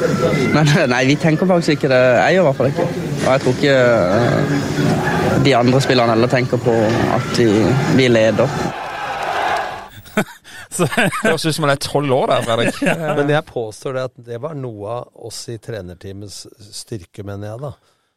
At uh, du får lov å være glad ett sekund på rad. Ja. Altså underveis i kampa. Det er derfor jeg var sint på Hønefoss, sånn som jeg sa, at du skal nullstille, og så kan vi juble etterpå. Mm. Og, og jeg tror det at eh, vår evne da til å så suge på karamellen litt, og så gå videre, Mm. det tror jeg var eh, en eh, Vi sa aldri noe om medaljer, eller noe, men jeg tror det gjorde automatisk at folk Nå skal vi ut der og gjøre oppgaven vår. Ja. Det høres kjedelig ut, men at det, Men, men for, for det blir vel litt Hvis vi skal dra i Nils Arne Eggen igjen. Han sa vel noe i den duren at god, det er noe du har vært og kan bli. Det er ikke noe du er. Dårligere når du har vært, og trenger ikke å bli. Ja. ja. Så det er jo litt av det. Men, Men, det er eh, som Kjetil Knutsen sier i, i Bodø òg. Det er litt sånn morsom historie, det. For at eh, i 2017-2018 så fikk jeg jo et 2012 sa jeg nei til Bodø-Glimt. ja. Når Kjetil Knutsen ble ansatt, så fikk jeg tilbud om jobben. De skulle ha meg til å være hjelpetrener for Åsmund Bjørkan. Så sier jeg det kan jeg godt være. Men jeg trent den for 20 år siden i Vålerenga? Eller 18? Så sa jeg det er ikke bedre at jeg er hovedtrener, så er det jeg som får sparken, for du skal være der resten av livet. Ja. Men så tok Kjetil jobben, da. Var hjelpetrener. Så gikk det ett år, så ble han hovedtrener, og så ble Åsmund noe annet etter hvert. Og Så vet det kunne vært Tom Nordli nå så veit vet man historia der. ja, men poenget er at man står for mye av det samme. Så det er som Trond Solli sa, timing is everything. Ja. Det er åpenbart. Vi eh, stikker til Ullevål eh, for andre gang i 2005 etter denne 3-2-seieren mot Brann, og spiller 1-1 mot eh, Vålerenga på Ullevål. 20 000 tilskuere på Ullevål. Ja. Er det Borgersen som skårer? Det er Bo Nei, Marius Johnsen er det. Marius Johnsen. På en corner. Det er en sånn kamp jeg heller ikke husker all verdens av, Ja, altså. Den husker jeg godt. Jeg, jeg tror ikke jeg overdriver når jeg sier at hele VG-svingen var startfolk Ja. i den kampen der. Det var nok det. Det var tidlig på, tidlig på sommeren, og jeg mener at vi var mange. 30. mai, ja, Mm. det, det, der var vi mange. Det finnes nok en del bilder av det rundt forbi for de som eh, vil Jeg husker heller ikke spill og kampen, men jeg husker stemninga. Ja. Jeg husker godt headinga. av Sånn Marius Johnsen-heading eh, fra liksom kanten av femmeteren og inn i lengste. Det er vel Fantastisk. det nærmeste som er Marius Johnsen-heading, var vel Haaland i landskampen. Ja, det er vel litt sånn Ligger en halvtime i lufta og venter, på, venter på ballen. Eh, der får vi 1-1. Ett poeng mot en annen eh, gullfavoritt. Eh, eh, to, det er noen landskamper imellom her, så det går to uker til neste kamp. Og da kommer vi til en sånn kamp som går helt i glemmeboka igjen. Tromsø hjemme. 1-1. Balla Garba målskårer. 8000 tilskuere. Husker ikke en shit. Ikke heller. Jeg- jeg- Ingenting. Ingenting husker jeg fra den kampen her. Eh, Det, det, det, er liksom, det er noen kamper som bare forsvinner liksom i en sånn rekke av masse kamper. Men, men det var dette jeg sa med, med sånne kamper som vi kanskje mot HamKam en måned før vant. Denne vant vi ikke. En, en hjemmekamp mot Tromsø. Det vil jo vise seg at i 2005 så får vi faktisk bare ett poeng mot Tromsø på to kamper. Men hvis du, hvis du hadde blitt nummer seks året før da, i Eliteserien, og så gått på sånne, mm. så hadde du ikke tenkt Du hadde ikke tenkt på det, Men i og med at våren hadde gått så bra, Ja. så er det plutselig en nedtur. Mm. Å spille 1-1 borte mot Vålerenga er liksom ikke bra nok. Ja, nei, det var nok, det var nok en helt Ja, men, men OK. Tromsø, liksom, Ja, dem skal vi ta. Og Så glemmer man at man var nummer ni i Adecco-ligaen året Det det, var- og, når vi kommer til dette tidspunktet i poenget, dette er jo kamp nummer ti, og det har vi tapt én gang. Mm. Ja, vi og har det var det. mot Rosenborg på Lerkendal. Riktig. Ellers er det stort sett seier og et par Og, uavgjort. og vi mista jo 5000 tilskuere på det tapet mot eh, Rosenborg. Men, men de kommer sånn smått om send tilbake, for mot Tromsø er det 8000, så der er vi opp en, en 1000 stykk fra den. Det ble ved 10-8 eller noe sånt. Ja, Ja, for utover høsten er det jo helt gale, Mathias, her på, på tilskuertall. Men etter Tromsø hjemme så stikker vi til Ålesund, og den kampen husker jeg godt. Men der, eh, hvis ikke jeg husker helt eh, feil, så har jeg eh, muligens eh, et klipp. Nei, nå har det kanskje forsvunnet. Ok. Eh, men det er, et veldig, det er en veldig gøy kamp. Mm. For det er noe gøy med den kampen. Jeg har lyst til å si det jeg husker best. Det er det, at det som slo meg da, for dette det er Ben Wright og Kai Risholt som skårer. Ja, og det er noe gøy med Kai Risholt der, skjønner du. Og det er det nok helt sikkert det pleier å være det rundt Ja. eh, Risholt. Men det det sier meg, at i dette startlaget kunne alle skåre. For dette var jo to spillere Han som kom jo inn på slutten, Kai, og ble matchvinner. Ikke sant, det var det Ja. han gjorde. Og, men det som var med Kai eh, Nå har jeg tydeligvis ikke fått med meg det eh, klippet, men, av Kai, men han ble intervjua etter kampen, og Kai hadde glemt skoa sine i bussen. Ja. Så han hadde bare så vidt fått skoa sine rett før kampen skulle begynne. Men det han. Jeg har én historie. altså jeg, jeg, Graden av sannhet er kanskje 70 til 100. Ja. Men han var jo først og sist med Skavlan. Ja, ja, ja, ja som en medisinsk sensasjon, for han hadde ikke sovet på tre måneder. Ja, og ifølge Jesper Mathisen så sov han i taxien på vei til NRK. det er så typisk Karin. Men hvis denne historien er sant fra Lars Marsje Engedal, etter 2004 så hadde de et rebusløp. Og så kunne de vinne den gang Getto Blaster og maleri fra Kjell Nupen osv. Det kan du fremdeles få, tror jeg. Ja, og, og så fikk de spørsmål, en sånn gruppe, da, så måtte han svare. Hvem har skrevet 'Bokhandleren i Kabul'? Så sier Kai det tror jeg er et lovspørsmål. Men han, han havna Nei, jeg har ikke skrevet hvem Hva jobber bokhandleren i Kabul med? Ja. Ja, det var jo bokhandelen. Og så fikk han spørsmål hvem har skrevet 'Bokhandleren i Kabul'? Så var det Åsne Seierstad, Tolken og Torbjørn Egner. Det er et lurespørsmål. Jeg går for Egner. Men Kai er ikke dum. Nei, nei. Han kan shy, men han følger ikke med. Nei. ikke sant? Nei. Det er fantastisk. Men sånn som han, uvurderlig i garderoben. Ja, ja. Til å ta av press. eh, Dette er ikke så farlig. Ikke sant? Mm. Og fotballklok til 1000. ja. Men han var ikke best på Nordli-testen. Han var vel kanskje best på å prøve å jukse litt? ja. Men kan det, om du kan minnes, eh, Tom Nordli, eh, her spiller vi jo åpenbart med Ben Wright igjen, som jeg vet var skada i kampene før. Eh, Kai Risholt inn. Er, er Balagarba litt på hell her? ja, Det husker jeg Nei. ikke. Men, eh, Om du bare men vi var vel ikke helt fornøyd med spissituasjonen, for da var det dette momentet vi henta inn Toddy Jønsson. Ja, det, vi kommer til det, til at det er helt riktig, det. Altså, Så, det. så det var vel sånn at Balla og Ben Wright At det kanskje var et lite knepp opp for dem til toppen av Eliteserien. da. Mm, mm, nettopp. For, dette, For jeg syns jo vi fikk maks ut av Ben Wright, tross Ja. alt i forhold til historien. Ja, ja, ja. ja. og det vil komme overskrifter i Feven etter hvert om at det er en slags spisskrise i start. ja det tror jeg. Balla Garba fikk en skade etter hvert. Stemmer det. stemmer det. Men vi kan flytte oss, for vi nærmer oss sommerpausen her nå. Eh, Jeg har elegant hoppa over en cupkamp mot Lyngdal som vi vinner 2-1, eh, Ja. og litt sånn eh, Cuprymje og Jeg vet hva jeg komisk, husker den cupkampen for, eller var det en annetlagskamp? Det var han derre tragedien vi henta fra Everton. Ja, Ah, Nyarko. Alex Nyarko. Det var også i denne Han tida. hadde høl i hjertet, og det var ikke måte på. Det var, Hva skjedde der? nei, det var eh, en greie som ikke jeg sto bak, men eh, jeg så jo på CV-en og alt, og ja. Men eh, Ja, for, hva Han var ditt ikke forhold god til nok. han, liksom? Var, nei, altså, han var jo altfor dårlig. mm. Altså, han eh, var ikke god nok på B-lag engang. Og vi har hatt noen av de. Nigel Rowe Coker? Ja da. Vi har Men det er vel han som var min største i det jeg skal ta ansvaret, da. Så er vel det min dårligste overgang. Ja. Men vi traff på ganske mye. Mm. Og det har jeg også lest meg opp på, at eh, Joey Hardasson var jo, eh, kom jo inn og spilte, og tok jo eh, Han utkonkurrerte da Nyarko og Tom Berghustad. Ja. Eh, så Joey ble jo virkelig trukket fram som Og det var jo eh, når Joey ble skada i januar på La Manga. året etter. Ja, for 2006 Nei, Eller var det fem vi henta Nei, det var fem. Ja, Ja, ja. vi henta Mm. Bjarte Lunde Årsheim. Ja, stemmer. Og, der førte jeg historien nå når jeg var i Stavanger. Eh, at Bjarte hadde fått beskjed Dette har jeg fra Stig Nilsen, journalist i TV 2 og Stavanger Aftenblad. At etter den kampen vi vant 5-2, som vi refererte i stad Ja. And you, you don't have to enter the bus, sa Roy Hortsen. Han vet han ikke skulle få være på bussen. Han sa jo det også. What the fuck I'm doing here? I'm training this uh, Donald Duck team for pocket money. I can lay on the beach on the French Riviera and smoking Cuban cigar, sa, Roy Hodgson. Men en siste historie med Roy. Ja. Det var at i 2012 eller noe sånt Jeg Jeg sa til han Jeg holdt foredrag på en landskamp, da. Og så var han der. Og så sa jeg at du fikk femteplass med Viking med 150 millioner i budsjett i 2005. Jeg fikk sølv med 27, som ble 43. Nå er du manager i England, og jeg trener Kongsvinger. Verden er urettferdig.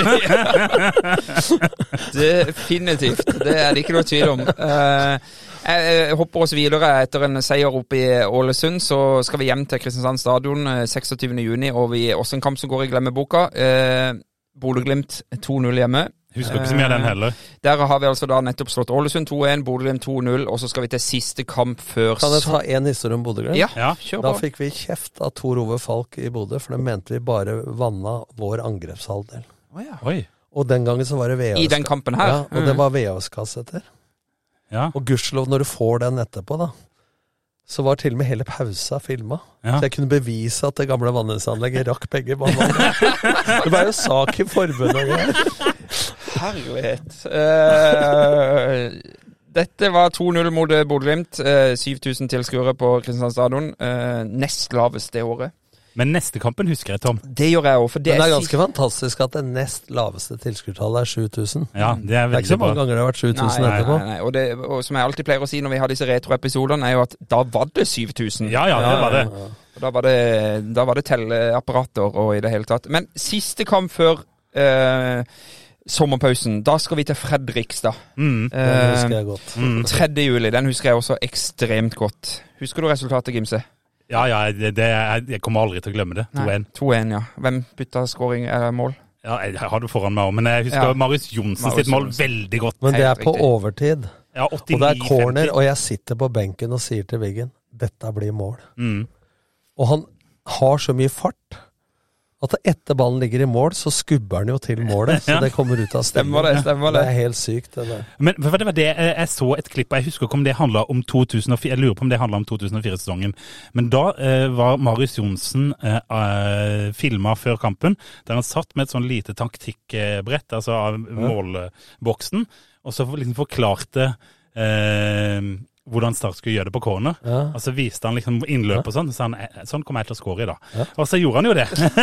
og akkurat sånn. Men det er en av de kampene borte som Marius og spillere tok av mest Ja. i garderoben. Altså, for du vinner på overtid, ikke sant? Mm. Og rett inn i garderoben, og det var helt vilt. var helt vilt. Eh, Svein Inåsen, eh, i kommentarer her etter eh, denne kampen her, så er det Start har sjokkert hele Fotball-Norge med innstilling, innsats og glød man sjelden har sett over tid i Eliteserien. Men til tross for en imponerende stabil vårsesong, med et nytt fantastisk resultat mot Fredrikstad i går, er det fortsatt noen som tror det bare er tidsspørsmål før sørlendingene sprekker. Jeg er ikke blant dem. Så her er han ganske Men han, eh, han, eh, han følger på med at eh, stallen bør forsterkes med to spillere i løpet av sommeren. Uh, og det kan vi jo komme tilbake til nå når Ja. vi skal inn i, i, i sommeren. Men jeg har en, et annet uh, Her står det 'Nordli gråt i pausen'. Tom Nordli var ikke spesielt fornøyd med første omgang, for å si det mildt. Jeg sto med tårer i øynene og spurte spillerne om de ønsket å vinne denne kampen. Jeg synes at, at det var vel drøyt å bruke en omgang på å varme opp. Det er noe helt annet å ta ferie med tre poeng her enn ett poeng, for å si det sånn. Eh, Det kan nok bli såpass Du har sett den der pausa i jingeren her, men Ja. det kan også bli sånn rolig. Altså, jeg er nok mest forbanna når jeg er rolig. Og jeg, jeg tror jeg sjelden har grått når det er noe sørgelig. Ja. Men når man har passion for noe, eller at det er noe rørende, da kan jeg miste det. Ja. For jeg er følsom. Det Ja. er ingen tvil om det. Men altså, jeg, drit, jeg tenker ikke over hva tenker dem om det, men jeg tror kanskje at man signaliserer noe ekthet over det, at hvor mye det betyr. da. Ja. Ikke veit jeg. Jeg Mm. bare gjetter. Nei, men det, det, er helt sikkert. Det er, altså, vi snakker om den overtidsskåringa til Marius Johnsen. Det bortefeltet der i den svingen på gamle Fredrikstad stadion der. Ja. Hjelpes. ja, det var, Da var det kok. Ja, ja, ja. Med Den gamle klokka. Ja, Ja, ja. helt fantastisk. Da hadde du den plankehaugen på langsida der. Og Ja. Herlighet for ei tid det der var. Så 2-1 der. Vi går inn i sommerpausen og leder ligaen med seks poeng. Og, og akkurat her har jeg faktisk en liten uh, snutt òg. Gøy. Eh, som vi kan spille av, for det er en snutt som kommer liksom før denne LSK-kampen. Det viktigste for oss er å være i angrepsposisjon i forhold til, eh, til situasjonen, og det har vi greid hittil. I det øyeblikket vi begynner å forsvare noe, så, så er vi ferdig. Tør du å begynne å snakke om medalje?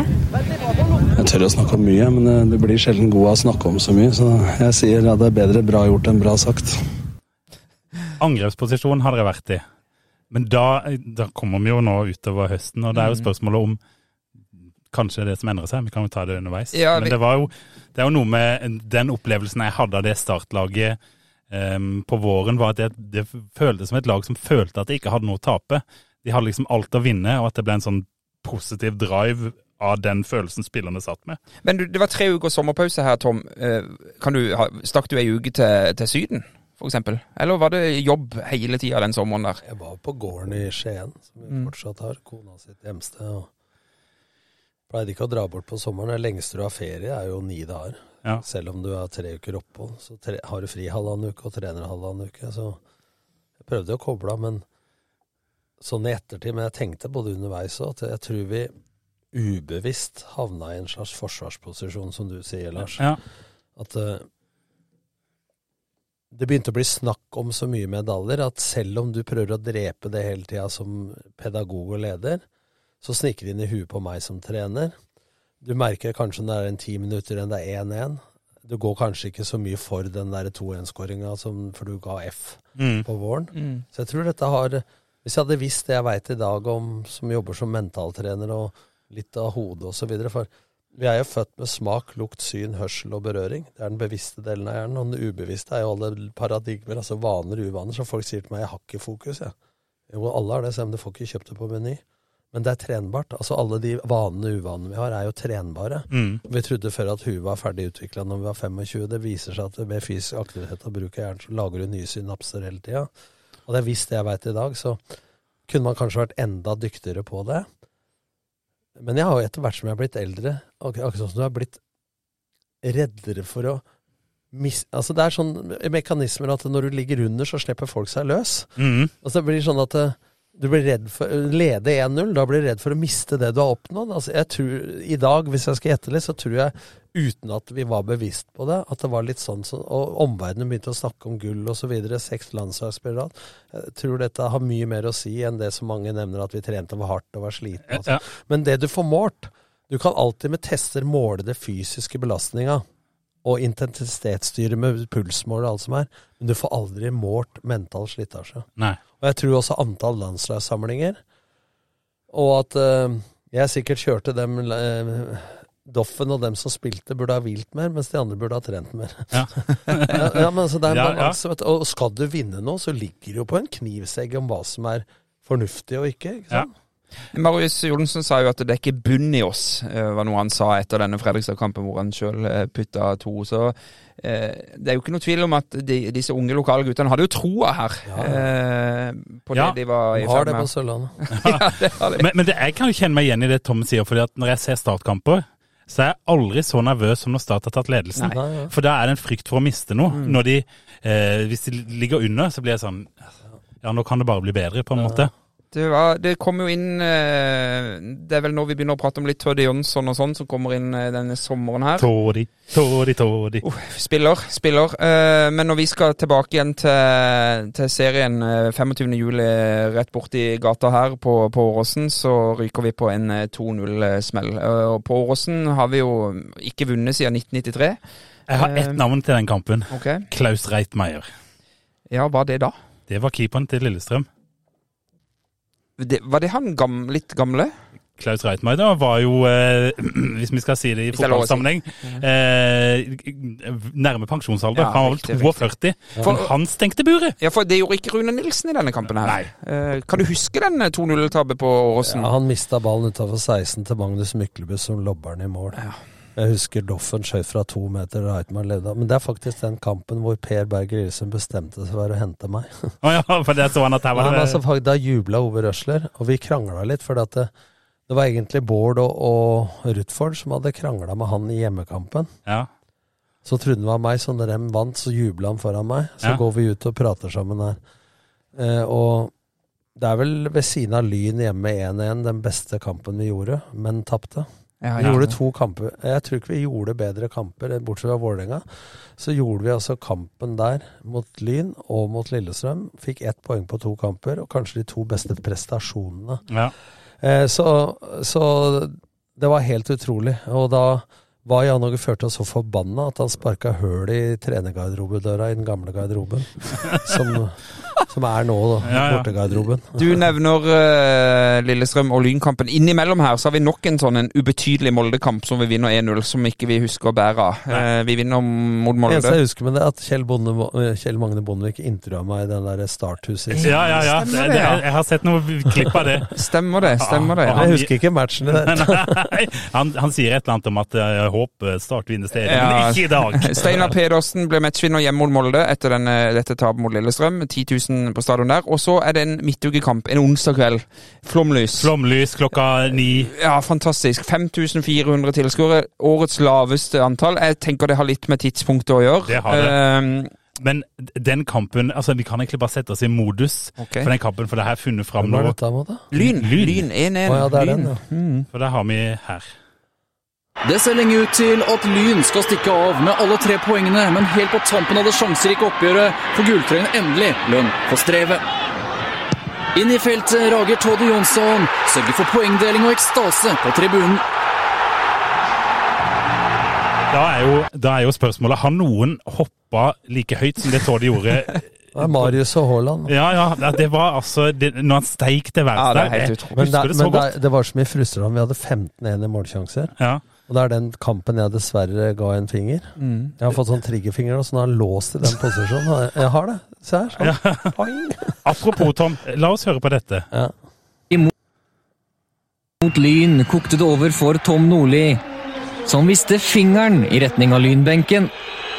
Nei, det var eh, spontant følelsesutbrudd. 90 minutter med trøkk og endelig scoring. og Lite sønn og masse følelser. og Har egentlig ikke noen god forklaring. Og det var ikke noen finger mot verken Henning Berg eller Lyn. Det var ikke ett vondt ord mellom benkene i matchen. Og med en gang du har gjort det, så Oi, det var dumt. Så du er rollemodell for barn og unge osv., så, videre, så det er klart at det, det var ikke heldig, så jeg legger meg flat for det og, og beklager det. Legger deg flat. Ja, men jeg, jeg prøvde å ha litt humor etterpå. Det var et annet intervju, så jeg prøvde meg med å si at det var, det var bare for å vise at det var ett minutt igjen av kampen. de kjøpte ikke den. men det er rart at alle de som fordømmer meg da, Ja. det er feil. Mange av dem har gitt fingeren i trafikken på vei hjem fra samme kampen. Men, men det var ingen disputt mellom deg og Henning Berg i det hele tatt? Ikke, det var ikke mot dem i det hele tatt. Men, men jeg husker den kampen kjempegodt, for det var en sånn eh, som det ble, Du sier jo at det er en av de beste kampene. Og jeg husker det som et sånn evig kjør mot det lynmålet i andre Ja. ganger der. Jeg tror ikke de var over midten engang. Nei, altså. det var Og Lyn var gode, da. De hadde jo en haug med gode spillere. Og du må huske at dette var en periode hvor vi sleit litt med å skåre mål. Ja. Eh, Det var jo som sagt Lillestrøm der først. Kun 1-0 hjemme mot Molde. Jeg antar at sjansestatistikken var 16-2, ikke sant? som Ja, ja. ofte var på den tida her. 1-1 mot Lyn nå. Og så kan vi bevege oss eh, bare noen dager til påfølgende helg. Da skal vi til Stavanger, eh, Lars Martin Gimse, og møte Viking eh, foran 15 000 tilskuere. Ja. 1-1. 1-1, helt riktig, Tom. Doffen. Doffen. eh, Yes, stemmer det. det var- Da var det også en Dette god er autisme nå. Men den, den husker jeg ikke heller så Nei, godt. jeg husker egentlig ikke den. Og jeg har jo vært utallige ganger på, i Stavanger og sett Start. Eh, Skårte Egil Øsna for Viking. Det kan godt være. Jeg husker mye bedre eh, kampen året etter, som Atle Roar Haaland avgjør i, i Ja, Den, den var jeg på, faktisk. den, men, men Doffen med skåring, det er helt riktig. Men så kan vi gå til kanskje Rosenborg-kampen hjemme. Og da Det som, det som er spesielt med den, ja. er at eh, jeg var jo da i forhandlinger med Start og med Rosenborg. Ja. Og jeg sier jo nei til Rosenborg. Ja. Skriver ny kontrakt med Start. Er i starttalen og holder foredrag for felles eh, rikssponsorer for Start og Rosenborg. og, og, og blir forbanna før kampen, ikke sant. Ja. Jeg er lei av at vi ikke har skåret noe mål, og bare i annen omgang. Det var da jeg sa det der at jeg skulle bli forbanna før matchen. Ja. Det var jo da Doffen slo seg i trynet og slo til. Stemmer. Ja, det. Og så leder vi 3-0, da, men det, det jeg husker mest fra den kampen, det er to ting. Det ene er jo at eh, Marius skal prøve å prate dommeren fra det røde Ja, det der, der er helt, eh, Da rakner det for Fredrik. Ja. Og så er det én ting til. Lars Martin gjør et dårlig tilbakespill eller et eller annet, så Øyvind Storfugl skårer. Og det var 4-1 til pause. Om det var mål eller en sjanse. Og da blir jeg forbanna, ikke sant? Og så sier Øyvind Storfugl Slapp av nå, det er 4-1. Og så peker jeg på det og sier det er derfor vi vinner og dere taper, på grunn av jeg husker det sånn. Det, var, det det er er sånne riktig. øyeblikk. Men jeg har jo selvfølgelig noe fra Rosenborg-kampen. Ja, sure. Jeg har jo det. Og det stille, på stillingen 3-0, kan vi si, går vi inn. Kristiansand. Frode Jonsson meier ned Espen Johnsen. Og kaster seg deretter meget ivrig i bakken etter Johnsens ettersleng. Dommer Kjetil Sælen viser ut gir gult kort til Jonsson. Starts Marius Johnsen prøver å forsvare storebroren, men dommeren står på sitt. Espen Johnsens marerittkamp ender med rødt kort etter 25 minutter. RBK tar ut Frode Johnsen og setter Ivar Rønningen i mål. Start fortsetter å rulle over trønderne. Tode Jonsson med hat trick. Start leder 4-0. Og det var jo spilt en Den matchen halvtime. hadde vi vunnet uansett. Ja, ja. 11 mot 11. Ja, for, det, for det, etter, etter det røde kortet er det jo faktisk, blir det jo 2-2, sånn sett. Ja, ja. Eh, så kanskje tar litt foten av pedalen, til og med. Men, men eh, den òg er en sånn Men når Start et eller annet på Feven eller hadde noen sendinger for et år eller to siden, hvor de viste liksom Start Vålerenga, Start Rosenborg og sånn. Og man sier at fotballen har utvikla seg. De løper ikke noe flere meter i dag enn før, men Nei. de løper de fortere. Ja. Men er det noe som ikke er noe bedre enn det startlaget der, så er det intensiteten og presset på ballfører. Ja. Det er det ingen tvil om. Ja, det, at det holder det- mål i dag Det holder mål i dag òg. Mm. Ja, for det, og i den kampen der så ble jo bare Rosenborg egentlig bare smadra den første halvtimen. Og Espen Johnsen var jo selvfølgelig litt ute og sykla med noen utboksinger og litt sånn. Uh, og Svein Enersen igjen da, etter kampen var klokkeklar på at Start var det nye Rosenborg. Uh, det som kjennetegner Rosenborg, så man tydelig nå i Start. Dette med en lokal profil og, og litt 4-3-3 eh, og, og dette her. Uh, Hedrik Helten Tord Jonsson svarte alle som mener at Start mangler en klassespiss. Det var noe som gikk igjen i Fevennen. Eh, men eh, da har jeg et spørsmål. Dette var også de siste skåringene hans denne eh, sesongen, eh, Tom. Eh, jeg kan ikke huske hvorfor. Ble han skada? Proble problemet er at jeg ringte jo til og Hva het han svensken igjen, da? Eh, Jeg husker ikke han som trente dem, og Roy Hodgson hadde vært der. Han var jo tidenes toppskårer i FCK, men han var hele tida skada. Og så, så var han aldri skada, men han måtte teipe begge akillesene, så han fikk trent litt dårlig. Men det er, det er, jeg tror ved siden av Frode Johnsen at det er den mest fotballkloke spissen jeg noen gang har trent. Ja. I bevegelse for å skape rom for andre. Bueløp og bakere. Trekker vekk oppmerksomhet. Mm. altså Litt sånn som Haaland er i boksen, uten sammenligning for øvrig. Og en voksen fyr. Og han dri- har jo eid vel noe fremad av magen. Ja, stemmer det. Mm. Og børsfyr, og var jo en klok mann. Mm.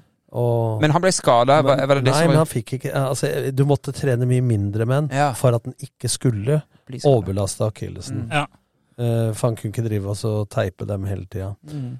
Eh, men vi hadde jo et lite, en spissutfordring. Uh, hvis du tenker at Marius Johnsen var toppskårer med åtte mål, Mm. Ja. så skårte vi jo mye mål, og vi fikk ingen straffespark. Eh, og det er litt uvanlig på et Ja. som er i toppen og skårer kanskje eh, Hva skårte vi nest mest, eller tredje Ja, mest? det er helt riktig. Men eh, Gimse, du var inne på Marius Johnsen som, eh, som tok sin bror i forsvar. Ja. Eh, eh, og Marius Johnsen han refser jo fansen da, etter, etter kampen, altså sine egne fans, for å, for å, være, for å mobbe og latterliggjøre broren Espen Ja, Johnsen. Og da er det faktisk en bitte liten sånn disputt i Feven mellom Marius Johnsen og talsmann eller nestleder i menigheten på den tida, Alf Petter Mollestad. Eh, hvor jeg egentlig er litt enig med Alf Petter Mollestad, som da sier at det var definisjonen på, eh, på mobbing og latterliggjøring. Eh, så, så det ble en liten sånn en greie, men det var helt åpenbart at eh, Marius Johnsen hadde en kamp med sitt indre jeg i den situasjonen der. Men det går på hans moral og etikk, og så, det det og så glemmer han det derre som Det er forskjell på hat og fotballhat. Mm. Mm. Ikke sant? Det er emosjonelt, det er følelser. Nettopp. Jeg husker jo Fredrik drev og dro den vekk. ja, det er, Jeg kan se for meg at Fredrik eh, Tom Nordli ville ikke, bli kall, eh, ville ikke kalles Gud, eh, er også noe vi kan lese etter denne kampen her. Tom Nordli ble tilbedt etter å ha knust Rosenborg. Da ble han flau, står det i Ja. Så Jeg du har, vel, jeg, har vel sagt før, eh, jeg har vel sagt i en annen sammenheng at det kan bare ett bud. Det ikke, skal ikke være andre guder enn meg. Jeg er ikke konfirmert engang. Jeg, vet jeg er jo ateist. Oi, oi, oi. Nei, men det var jo Dette kickstarta jo, kan du si, høsten no, noe voldsomt. Eh, I påfølgende kamp så skal vi til Skien, eh, Lars Martin Gimse. Ja, da er Erik Soler og roter inn på eh, banen og hisser på seg Tommy Svindal Larsen. Ja, jeg, var, jeg måtte gå imellom der, og. Det kan ikke jeg minnes, faktisk. Nei, men jeg så det på en sånn videooppsummering. Jeg husker Ja. det heller ikke, men Tommy Svindal Larsen sier jo noe sånn der at eh, det er vi som styrer her. eh, Gå og sett deg ned. Det Ja. tar ikke du noe med. Ja. Så måtte jeg gå imellom der. Skjønner, Altså. skjønner. Ja, snakker om tolv spillere på banen, og det var Soler da, som var litt ivrig i Jeg hele regner med at ikke han regna meg som den. Jeg kan, var jeg kan minnes at faktisk eh, at dette var min første og siste og eneste bortekamp jeg har dratt sammen med min far. Hva var det? Så det-? Ja, Jeg ja, husker så ikke. det, det 0-2. husker jeg. 0-2. ja. ja. Ja. tapte 0-2.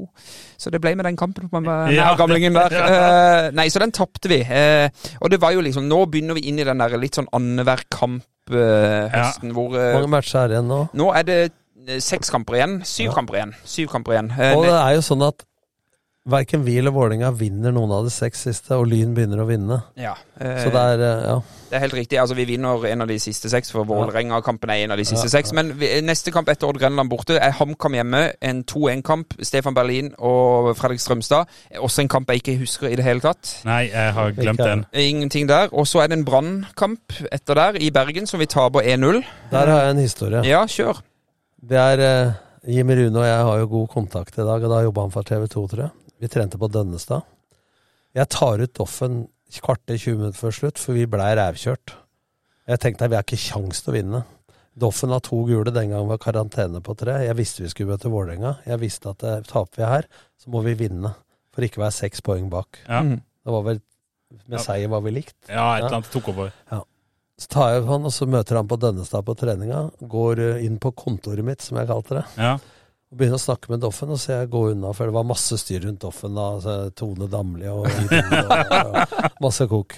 Og boyband og ja, det var mye greier. Og det var én mismatch i det boybandet, var Øyvind Svenning. og, så, og så kommer han ut der, og så sier han at hva syns du, eh, Tom? Eh, Doffen er symbolet på Starts nedtur. Da har altså radert ut Gattusso på Ullevål. Vi leder serien som nyopprykka lag. Og vi har tatt 1-0 i Bergen, på bortebane mot en medaljefavoritt. Og da, da var, vi, var med meg inn i garderoben, og da var jeg mye retorikk. Jeg hadde vært i media litt, så jeg kunne noen knep. Men det blei en sånn uh, flause. En annen Og så kom jo dette med han Fjose. Han filma jo dette, han som spurte stilte Ja, ja. spørsmål i stad for Sanden Media. Ja. Og så sier han til meg i Mirone dette skal ikke med! Så sier jeg jeg har ikke noe redaktøransvar her, men er det én ting du skal være sikker på, Mirone, at dette skal jeg sørge for at blir med. ja, men så, jeg sa også til nå kan du føle litt hvordan vi har det. Som blir kritisert. Du lever av å kritisere, og så får du litt motgang tilbake. Så er det nesten så du går i grava. Ja. Og, og det, det jeg ser her, dette er jo et bortetap. Eh, Ja. Og det hører jo med til historien her, Tom, at eh, vi siste bort, altså vi, vinner, altså vi vant i Fredrikstad borte. Ja. Det var siste bortkamp vi vant Ja. i 2005. Så det er helt åpenbart at her begynner vi nå å slite litt mer på, Men jeg tror også, jeg tror også det at det, en faglig ting Vi hadde vært gode i etablert angrep i 2004. Vi blei det etter hvert i 2005. Så kommer den mentale biten inn vi, vi begynte å snakke med. Men så kommer én faktor til som ikke folk tenker. De tok oss mye mer på alvor etter hvert. Så de begynte å legge seg lavere. ikke sant? Altså de var, Selv på hjemmebane. ja, ja, ikke sant? Begynte Mm. å ta hensyn til start. Skulle ikke få så mye dødballer imot, osv. Og, og der var vi ikke gode nok ennå, som nyopprykka lag. Hadde vi fått fortsette med dette da, og bygge istedenfor at Soler skulle gå ut og si vi skal bli Skandinavias beste lag, men vi skulle ikke kjøpe noen spillere. Takk skal du ha for presset, liksom. Hilsen psykologen som ikke turte å se på kampa. Han sto i dusjen. Ja, men, men Litt tull, da, men jeg setter det på spissen. Men poenget er at dette er sånne ting jeg har tenkt på i ettertid når jeg har vært ekspert for Romerikes Blad og LSK. At det, hva er som sniker seg inn her? Lillestrøm skårte på dødball, fikk ledelsen, laga måtte fram. Det åpna seg. Så begynte folk å ta hensyn til Lillesund i fjor, som leda serien. Ja. Så var det ikke gode nok i angrep mot etablert forsvar, for det er det vanskeligste i fotball. I dag skal du bryte ned en femmer hele tida, ikke sant? Så jeg tror en del sånne ting har mye mer å si enn at folk sa Altså, det meste har å si er det, pluss det mentale. Det fysisk fysiske oppi dette her, men jeg tror du blir fysisk sliten av å være mentalt stressa. Ja. Ikke sant? Det, det jeg jobber med nå, så veit jeg at det har sammenheng. Mm. Så dette spilte inn på den dårlige borteformen da, Ja, i høsten jeg, jeg, jeg 2005? sier jo at eh, Jeg er mye klokere nå. Ja. Vi blir forhåpentligvis litt klokere i årene vi Men vi, kan ha, vi har, vi har ja, skal vi si, siste opptur i 2005. Den kommer etter at vi har tapt i Brann, eh, eller i Bergen, mot Brann, og skal 25.9.2005. Litt av en opptur. Da. Ja. Uff a meg. Det er 100 år. 100-årskampen til start. 100-årskampen til start. Og det var flomlys, og det var masse folk på tribunene. 14 000 i tallet. Gull... eh, Det vil si 16. Ja, helt sikkert 16. Gulloppgjør mot Vålerenga. Her kan vi Og vi kan jo eh, Her har jeg selvfølgelig funnet lite grann. Eh, Det er ikke helt fra starten av kampen. Bare for å sette stemninga. Så kan vi ta eh, Og etter pause valser Start over sine blåkledde gullkonkurrenter. 57 minutter spilt, og banens beste, Stefan Berlin, regisserer et monsterangrep. Svensken finner Alex Valencia inne i feltet. Valencia nikker til Fredrik Strømstad, som får en enkel oppgave. Kontrollerer en 3-0 og Start utkasser Vålerenga Kristiansand. Overtar tabelltoppen på imponerende vis. Jeg husker, husker én ting fra den kampen. Ja. Hvis dere ser noen bilder herfra, så står jeg sånn med hånda, for dette er radio, men Ja. bue. Ja. For de valgte jo å spille med Amund Shiri som back. Ja. Og da, når jeg så det, så roper jeg til, til Stefan Berlin og Spill venstre, spill venstre. Doble venstre, doble venstre. Og der kommer jo innlegga, ikke Ja. sant? Altså mot Balvencia, Valencia, mot Fredrik osv. For det var et svakt punkt da i dette Ja, for han er stopper, ikke Ja, ja. sant? Altså, han så jo ut som han var Han på fisk på land. Ja, han, ja. Ble ikke han dytta inn i midten etter 30 Jo, minutter, og så skåret han selvmål? Så går som så, så, Så han var svimmel. Ja, så den kampen, det er altså De var sjanseløse. Ja. Men da kan du si, når folk sier vi var slitne, Tom Mm. Vi var jo ikke det. Nei. Ikke sant? Men det, hvordan greier du å få ut energien Mm. på det rette tidspunktet? Men det er ingenting som tilsier da når Brann så så ut som et slakt. Uke, tre dager etterpå bare. Mm. Eh, Så begynner du å lure, ikke sant? Det, er- for dette det er jo det Svein Enåsen sier. Han sier tidenes kamp, tidenes fest. Ja. Eh, og vi har vært innom eh, Viking dette året, Rosenborg dette året. Vi har noen, vi har noen kamper i eh, 91 og 92 Ja. hvor vi, vi gruser eh, Rosenborg 5-0 og, og Viking eh, like mye. ikke sant? Men er, det, er dette peak? Ja, akkurat denne kvelden her, Tom, det tror jeg må være peak i min, min eh, karriere som Start-supporter, skal kan kalle det en karriere. For den kvelden eh, gikk alt Starts vei. Eh, start overtar tabelltoppen. Ser helt totalt uslåelig ut. Mm. Og den kvelden tenkte jeg at i år vinner Start gull. Men det rare er at vi, vi gjør det Hvis du ser det faglig, da, Ja. så er vi knallgode mot de gode. Mm. Og vi er fortsatt veldig gode på spillestille og klare oppgaver. Men vi sleit mer mot de kampene dere ikke husker, Ja. hvor du skal føre spillet, og motstanderen tar ekstremt hensyn til deg osv. Det steppet hadde vi ikke tatt ennå. Og istedenfor å fokusere på det steppet faglig, da så bare, Hvis vi hadde blitt nummer seks første året som nyopprykka, så hadde jo ingen tatt seriestarten i 2006 når jeg gikk, Mm. som katastrofe. Nei. Men ikke sant, folk trodde at det, det var minste felles multiplum å Mm. kjempe om gull. Så hadde de ikke gjort det siden 1980. Nei. Det er et faktum. Start er Norges beste fotballag, og nå er de bare fire cupfinaler unna særdeles velfortjente gullmedaljer, sier samme Svein Enersen. Og det er helt riktig, tabellen etter denne kampen her, der med fire kamper igjen, så er både Start og Vålerenga på 44 poeng. Eh, og så vidt jeg kan se, så er vel Start ett plussmål eh, foran med, med fire cupfinaler igjen. Eh, og på denne kampen så var det speidere fra AC Milan og Ajax til stede, Ja. som hadde et spesielt øye til Alex Valencia. Eh, Fredrik Strømstad har jo AC Milan som drømmeklubb, eh, og for å si det sånn, han var ganske høyt oppe med at de var der. Det nytter ikke å tenke på speidere. Milan har Sedorf, Kaka og Pirlo. Det er en annen klasse enn meg. Men selvsagt er det fantastisk moro at de var her. Eh, Jeg er fornøyd hvis jeg får være medlem av supporterklubben til Milan, jeg, sier Men bare det han sier der, Mm. så har jo det fløtt seg inn i huet på han. Ja. At det begynte å bli speidere og sånn, sex på landslag osv. Mm. Nå begynner det å legge sammen en del faktorer som jeg mener har minst like mye å si og mer enn at de nødvendigvis var så slitne. Ja. Men hva er sliten? Det er jo totaliteten av all mengde belastning. Ja. Og det er jo sånne ting som dette er også en belastning. Og så er det jo mye medieoppmerksomhet rundt det, og det er mye eh, stadig Altså VG, Dagbladet, TV 2, NRK, eh, Faen, det var jo. TV, eh, Riks-TV på Dønnestad eh, omtrent hver dag. Ja.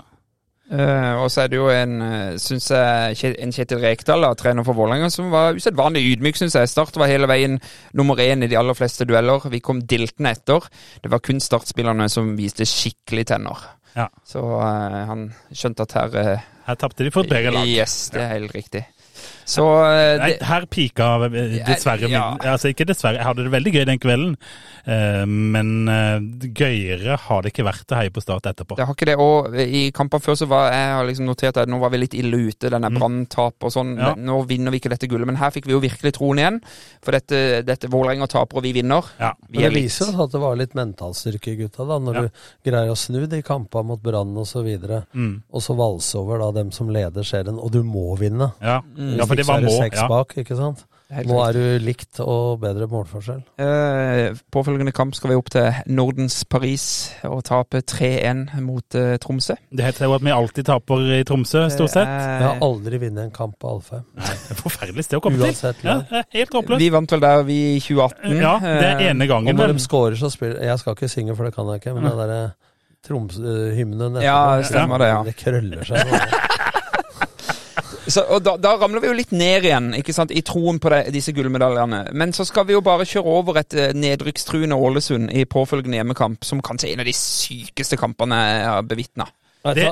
Det der Ja, vær så god. Nei, ja, nei, det er sjukt. Altså, den, den kampen er altså noe av det Jeg hater Svein Oddvar Moen fremdeles. Ja, jeg, kan- jeg kan våkne med mareritt. Husker du hva som skjedde? Jeg måtte beskytte han for supporterne helt ut til porten. Ja, Stemmer det? Det er, noe, er noen videoer av det De som er helt. Men, men jeg bare ja fordi at jeg har, jeg har et eh, klipp her som er eh, ganske morsomt. Altså, det er Svein Oddvar Moen som snakker om kampen etterpå, og han er ganske fornøyd. Eh, men så kommer det etter hvert en liten oppsummering fra Davy Vatne, som eh, forklarer hva han syns om, eh, om dømminga, som vi kan jo høre. som eh, jeg forstår har muligens er feil. Veldig ydmyk i forhold til det første straffesparket. Altså, sånn at, eh, men bortsett fra det så syns jeg det går bra. Omdiskuterte episoder var det flere av. Her har vi den første. Straffespark som aldri har vært straffespark. Marius Johnsen har armen så vidt borti Tor Hogne. Han faller jo som en eh, epileptisk sumobryter. Går over ende. Som en epileptisk Det sumobryter. kunne du ikke sagt i dag. Det kunne han ikke ha sagt, nei. Nei, men det er jo helt riktig. Men det sjuke med det der, er at eh, den straffa kommer rett før pause, Ja. og da ligger vi vel under 4-2. Jeg tror ikke det er så Er det så galt. ille, Det er så tre? Nei, nei, nei, nei det er, det er eh, ja, Men vi ligger nå under. ja, Eh, Og så går det to minutter i annen omgang, og de sier den første straffa ikke var straffa. Den andre er mye verre. Ja, Ja, er- Det har jeg video av enda. Hvor Lasse Olsen, tror jeg han het, Ja. fører ballen på tvers av 16-meteren og skal skyte 90 grader på løpsretningen. Og så skyter han rett i gresset. nei, men så er det Roar på yttersida, altså ikke mellom mål og, og han, men på utsida. Så løfter Lasse Olsen beinet og sparker Butin bare løpende. Så blir det rødt kort og straffe. Ja. Og da ligger vi under 4-2 Ja, han scorer på den. Stemmer det. Og da er vi én mann mindre i 40 minutter. Ja. Mm. Så greier vi å lage 4-4 på overtid. Men så må vi snakke Og- litt om Balla Garba. Og så var Balla Garba i ramadan. Er Hadde ikke spist på Dette er sant. Og han er Gustavo Bahoken er med høyre cornerflagg. På egen halvdel. Motsatt av Starthuset, eller hva det Kiffhuset, eller hva det heter. I eget cornerflagg. Og han begynner å løpe, og Bala løper ved siden av han i 103 meter. Og jeg roper 'takle, takle, takle'. Hadde han vært på semi, mi, så hadde jeg felt den som han håndballfyren Gunnar Prokov og tatt eh, gullmedalje et år på tribunen. Ja. Og så legger han inn til Trond Fredriksen, som nå er assistent til Vålerenga. Skårer, avspark, slutt 5-4. Mm. Da begynte jeg å tenke taper vi gullet. Men Ja, for hva går gjennom hodet ditt etter den kampen? Ja, Det var men det mye- ble sånn oppgitthet, for du tar igjen 4-2 med For det første har du fått to straffespark og et rødt kort urettferdig imot. Forferdelig dømming. Enda så har vi krefter Mm. og mental styrke til å snu det. Og vi rundspiller med ti mann. Ja. Og så jeg ville jo gå for seier, ja. Og så får du den. Og så drar du til Bodø. Ja. Da er det fortsatt ramadanballa. Ja, det er helt riktig. Vi, vi kan jo egentlig, Hvis ikke du har noe mer å legge til Nei på. Ålesund-kampen der eh, det er jo også en, altså Den Ålesund-kampen er jo en kamp vi Start-supportere har prata om i, i snart 20 år. eh, og for, Den ikke-taklinga til Balla. ja, og folk våkner av mareritt om han Bahoken eh, den dag i dag. Vi drar til Bodø, som også er et nedrykkstrua lag på dette tidspunktet. Eh, og det ble jo på en måte vår nemesis her ute på, på høsten. Eh, Bodø-Glimt i Bodø er jo uhyre vanskelig i dag, eh, Ja. men også vanskelig da på en sliten gressmatte, som det vel var da. Ja. eh, på en sen høstkveld. Eh, der har Balagarba en kjempesjanse. Det er det jeg skal fram til, for det er 1-1, da. Mm. Ja. Stefan Berlin skårer. Og det er vel det mest emosjonelle øyeblikk for meg, for det er både sorg og glede, for vi sikrer sølvet. Ja. Og jeg mister det når han derre eh, Kristiansand-VG-journalisten og Øyvind Brenne? Øyvind Brenne, Nei, han gamle. Og, ja, eh, Oddleif Moe. Ja. Moe, ja. Og da er jeg så rørt. Og da Soler så nervøs at han er jo inne i garderoben. Ja, han lover ut noe bonus og greier inne i garderoben hvis vi får gull, ikke sant. Og Ja. helt mot sånn jeg tenker. Det er masse emosjoner. Men jeg tror Balla Garba står én meter fra mållinja. Og hun som bor i fjerde etasje i blokka bak der, tror jeg fikk den ballen i huet. Og den ligger borte på flyplassen. Ja. Altså Han sto én meter fra mål og Ja. feide den ballen over. Og det- ikke skylde på balla, da, men altså, hadde han spist to knekkebrød, så hadde vi vært men, seriemestere. men, det- men det er et bilde av, av Erik Soler inn i, i FVN etter kampen. hvor Han ligger på massasjebenken Ja. eh, og orker ikke å se eh, om det var slutten eller andre omgang eller hva.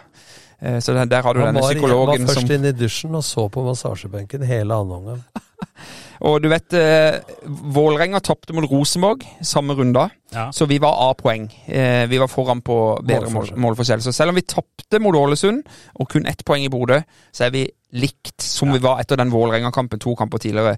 Så det er, jo, det er jo fristende å tenke på den Ålesund-kampen, ikke sant? Ja, ja. Som vi absolutt burde ha vunnet. Det er ikke marginer. Det er ikke marginer. Eh, Så vet jeg ikke, Vi fikk nok en og annen margin tidligere i sesongen, og er det dette jevner seg ut og sånn, men her føler jeg alt gikk bort. eh, ja, her var det null marginer. Det og det kulminerer jo naturligvis i den kampen vi egentlig ikke har lyst til å prate om, som er kampen etterpå. Eh, har du noe Jeg har lydklipp der, men vi kan jo, altså, scenen er jo lagt at eh, hvis begge lagene vinner, så må Vålerenga vinne med to mer for å ta seriegullet.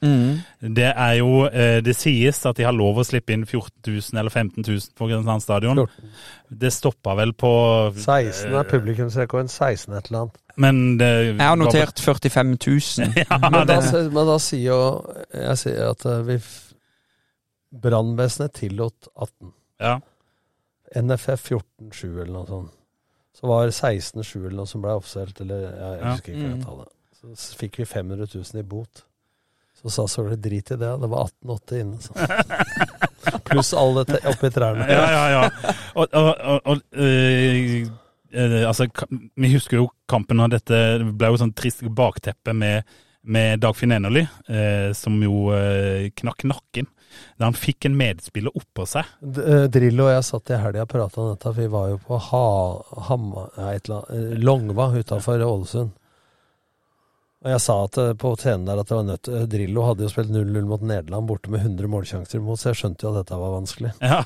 Nei, altså, det, Dagfinn Enerly skulle egentlig ikke spille kampen. Å nei. Han var kaptein, hadde feber. Blei med ned for å redde laget. Eh, og vi markerer ikke Øyvind Hoaas. Eh, Steinar mister markeringa der, så de tar ledelsen 1-0. Og vi har fire stolpeskudd på 20 minutter. Det ene går i stanga. Nei, tverrleggeren stanga ryggen på Steinar Sørli ut.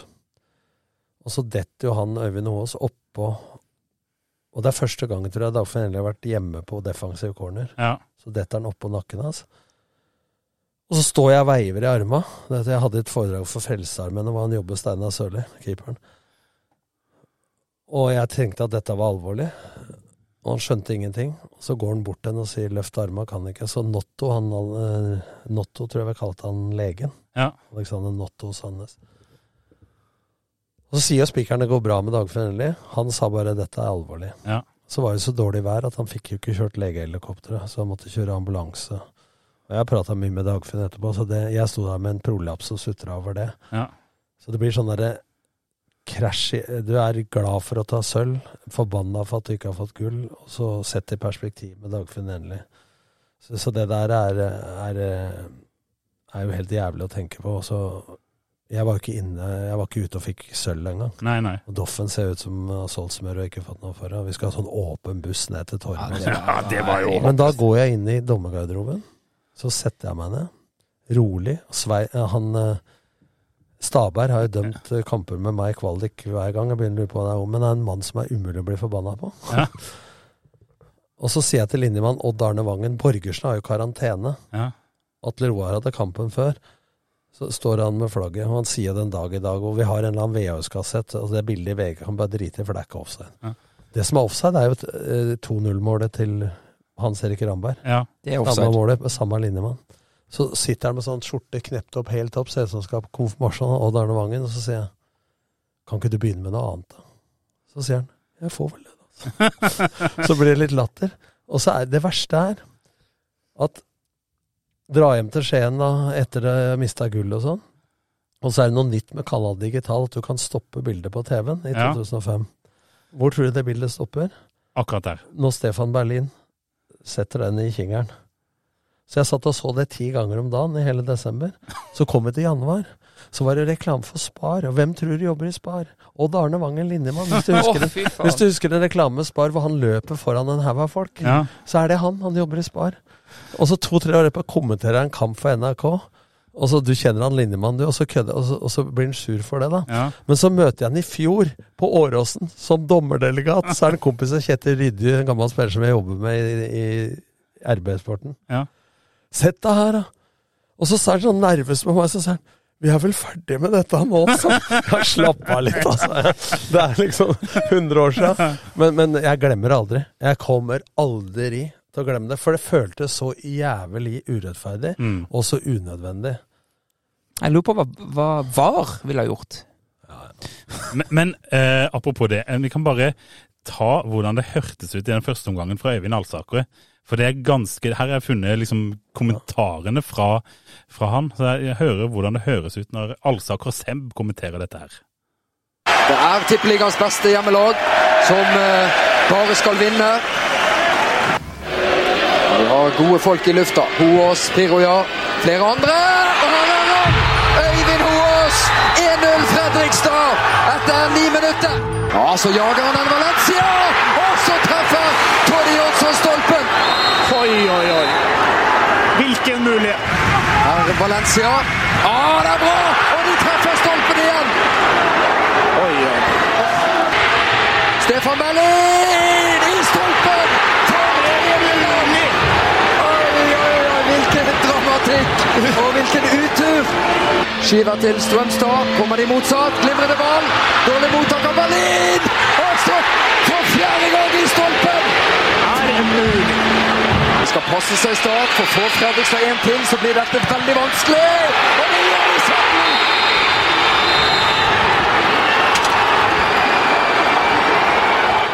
Det var første omgang. Det er bare stolpeskudd. Det er emosjonelt vanskelig nå. Ja, jeg, altså, jeg, altså, det er sånn Jeg kjenner det fysisk på kroppen. det er nesten så vi kunne spart oss for dette, Ja. for å være helt ærlig. Men Ja. Uh, ja. Det, um, Ja, men det er, det er både sånn stemningsmessig De sa jo kommentatorer før kampen altså det, var, det var jo internasjonal stemning Ja. på en stadion med én tribune, Mm. pluss den der vaklegreia dere sto i svingene. Og det var folk i trær og på lastebiler og alt som er. Og det, på en måte er det et minne for livet, men det er samtidig det med Dagfinn. Ja. Og så er det Sølv er dritbra for nyopprykka, og så er det bare sorg allikevel. Ja. Mm. Eh, Så, Ja, det var en veldig merkelig stemning i byen den, eh, den kvelden der. Eh, jeg vet ikke hva du nede og Jeg, jeg, vet du hva, jeg havna eh, på en eh, Litt pussig, for jeg hadde hatt en kjæreste som var fra Fredrikstad eh, Oi, under sann. min studietid. Ja. Hun var egentlig ikke interessert i fotball. Hun begynte å bli med meg på noen fotballkamper eh, mens vi var sammen. og sånn. Eh, Så var vi ikke sammen lenger, men gode venner. Eh, Så hun hadde blitt såpass fotballinteressert at hun sto og heia på Fredrikstad Mm. denne kvelden. Så jeg ble med henne på en fest etterpå. Der var det bare folk fra Fredrikstad. Så det var masse glade folk fra Fredrikstad som satt og fikk oppdateringer på Dagfinn Enerly. Så var det en mutt sørlending som satt med tolv øl ved siden av eh, kjøleskapet inne på kjøkkenet og sa ikke et ord. Uff da. Uff da, den hørtes vi ble dratt opp på scenen på torvet der. Ja, det, det husker jeg, Tom. Faen, jeg hadde så lite lyst at det Mm. ja. Men vi må ta en ting her, Ja. for her er jo kanskje en av de mest kjente pausepratene i historien, Tom. Ja. Eh, vi må nok ta den. Eh, selv om du en gang i tida ba meg om å droppe ene delen av den i jinglen. Men vi får ta hele, eh, som er en del av jinglen vår. Det hørtes sånn ut. Dere kan sitte her nå og så synes synd på dere sjøl. Verden er urettferdig og fire i stanga-greier. Vi har ikke vært bra nok. Dere er paralysert. Dere står og tenker på resultater i andre kamper. Og flytter faen ikke beina. Vi er ikke i nærheten av den standarden vi skal. Inn til helvete og så drit i konsekvensene! Og så gjør de vi skal utpå her! Hei! Se hit, da! Jeg ser inn i 22 resignerte hauger! Hvor er gløden? Hvor er engasjementet? Vi har ingenting å tape! Jeg nekter å se på tapere som sitter her og har gitt opp hele dritten! Den flyr utpå der som mongohøns! Første del Dette dreier seg ikke om taktikk. Det dreier seg om å ville ta ut det du har i magen. Dere er gode. Skjønn at dere er gode. Kom her, ja! Helvete, altså. Men første delen Ja. er jeg veldig fornøyd med. Midtre delen Ikke så? At de ikke flytter beina og sånn, det er jo bare emosjoner og piss fra meg. Ja. Den siste delen med skjønn at dere er gode. Ja. Så, så tre fjerdedeler av pause er jeg veldig fornøyd med. Ja. Men den ene delen da, som selger aviser, den er ikke bra. Det, altså, vi fikk et spørsmål fra en sånn derre eh, Hadde du valgt ordet mongohøns hvis jeg skal velge på nytt? Nei. Nei. Men det var, det var det som kom akkurat da. Ja. det er, men, det, men det er jo mye rundt denne, denne eh, kampen her, og mange av disse her eh, eh, Altså eh, Altså, Hvis jeg kan spørre deg, Vidar Pedersen spør. eh, I etterpåklokskapens lys, hva ville kunne du ha gjort annerledes i høstsesongen for å ta gullet? Eh, er, det, er det noe sånn helt sånn åpenbart du kunne gjort annerledes? Nei, eh, det er det vi har vært innom. Altså det å takle det mentale presset. Burde vært flere støtteapparater. Eh, Hvem kunne tatt seg av én-til-én-samtaler, f.eks., med å roe ned dem som trengtes å roe ned, fyre opp dem som trengtes å fyres opp. Mm. Det kan hende at eh, jeg traff noen i den pausa, så var det noen som ikke hørte hva jeg sa, så var det noen de ikke traff i det hele tatt, f.eks. Nettopp, nettopp. Uh... Så så rent fotballmessig, så Men vi jobba jo med det hver dag, men vi var ikke gode nok i angrep mot etablert forsvar, og vi blei litt feigere Ja. i, i attituden til, til uh, stillingen underveis i kampa. Mm. Men her i den siste kampen så føler jeg jo Altså, jeg kan ikke fri meg fra den følelsen. Det er bare en sånn makt som jobber mot et startseriegull. For det, når du ser de sjansene som jeg har spilt av lyd av, ehm, så er det litt sånn ene går liksom i, i tverrlegger og stanger ut. Du ser jo kroppsspråket på TV der til, til både Rutford og, og Bård Wiggen. Og Ja. Du ser liksom Dette går ikke. Ja, for det er kanskje det som sniker seg inn etter hvert, at dette går ikke. Nei. Og så ehm, jeg, jeg har eh, Jeg føler at vi skal sette et punktum for den, mm. men, ehm, men eh, Jeg kan jo, Espen Geitsund spør var det offside. Det har Tom Nordli svar på. Det var det ikke.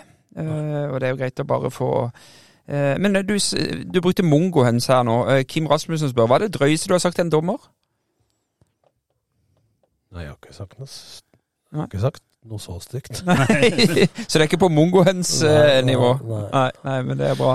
Men eh, for jeg vil bare avslutte den kampen Mm. eh, på en vis som vi på en måte avslutter ting på. Jeg Mm. beklager at dette gjør vondt, Ja. eh, Tom, men Ja. det må gjøres.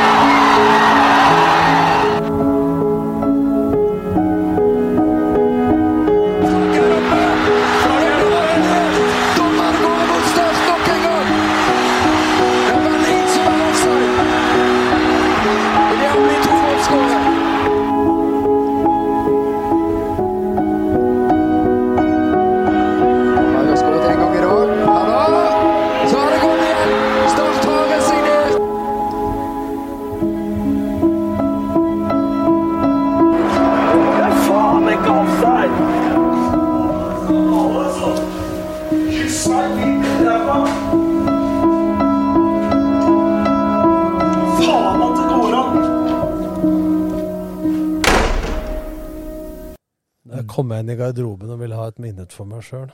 Og så satt man. Lars Ivar Fjose med kamera. For du glemmer jo at kameraet er der. Ja. Og så snur jeg. Ja. Hvor skal jeg få være i fred? Ja. Og på en måte bli fornuftig oppi det der. Men jeg tror du på en måte eh, eh, De orda som er på slutten her, sånn der eh, Det var ikke offside, eh, at det går an Jeg tror på en måte det oppsummerte det vi følte når vi gikk fra Kristiansand stadion Det den var Det var en enorm tomhetsfølelse, selv om det oh. egentlig var en fest, da. Jeg tror vi Eh, hadde samme følelsen, jeg, Ja.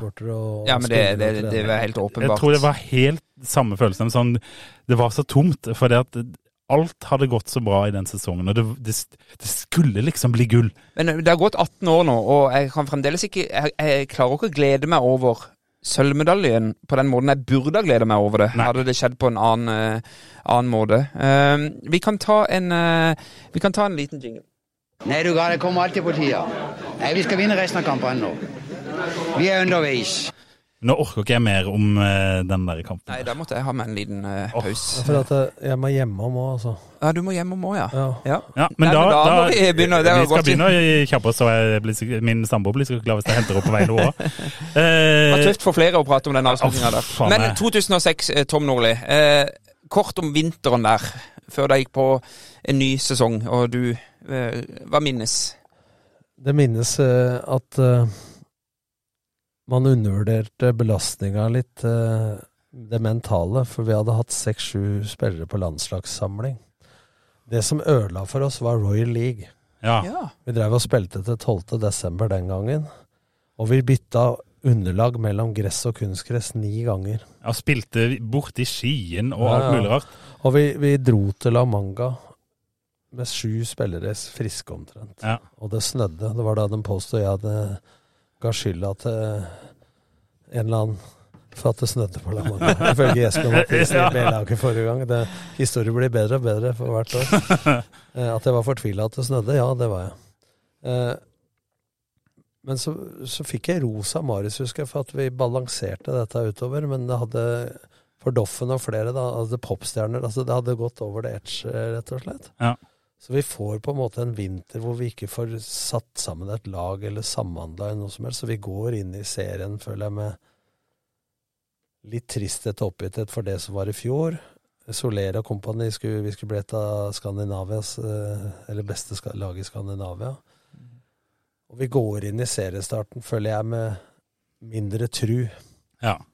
og selvtillit enn vi gjorde i 2005. Mm.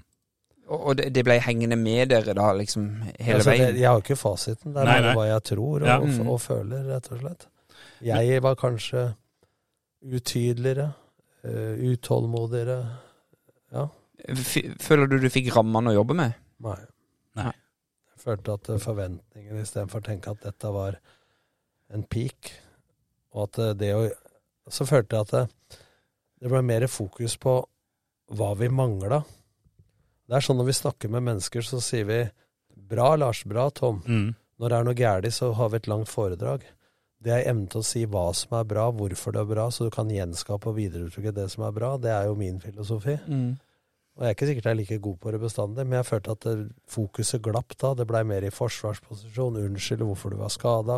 Mm. Fokus på at eh, ja, nå har vi gjort det dårlig, så nå har vi tre... Altså det blir alltid sånn at det, da har du for mye taktikk, for lite taktikk, Mm. for korte treninger, for lange treninger. Altså det blir fokus på alt annet enn det du skal gjøre. Altså Mennesker leiter etter årsaksforklaringer utafor deg sjøl. Mm. Og da er mennesker så naturlig at de ser ut av vinduet utafor seg sjøl.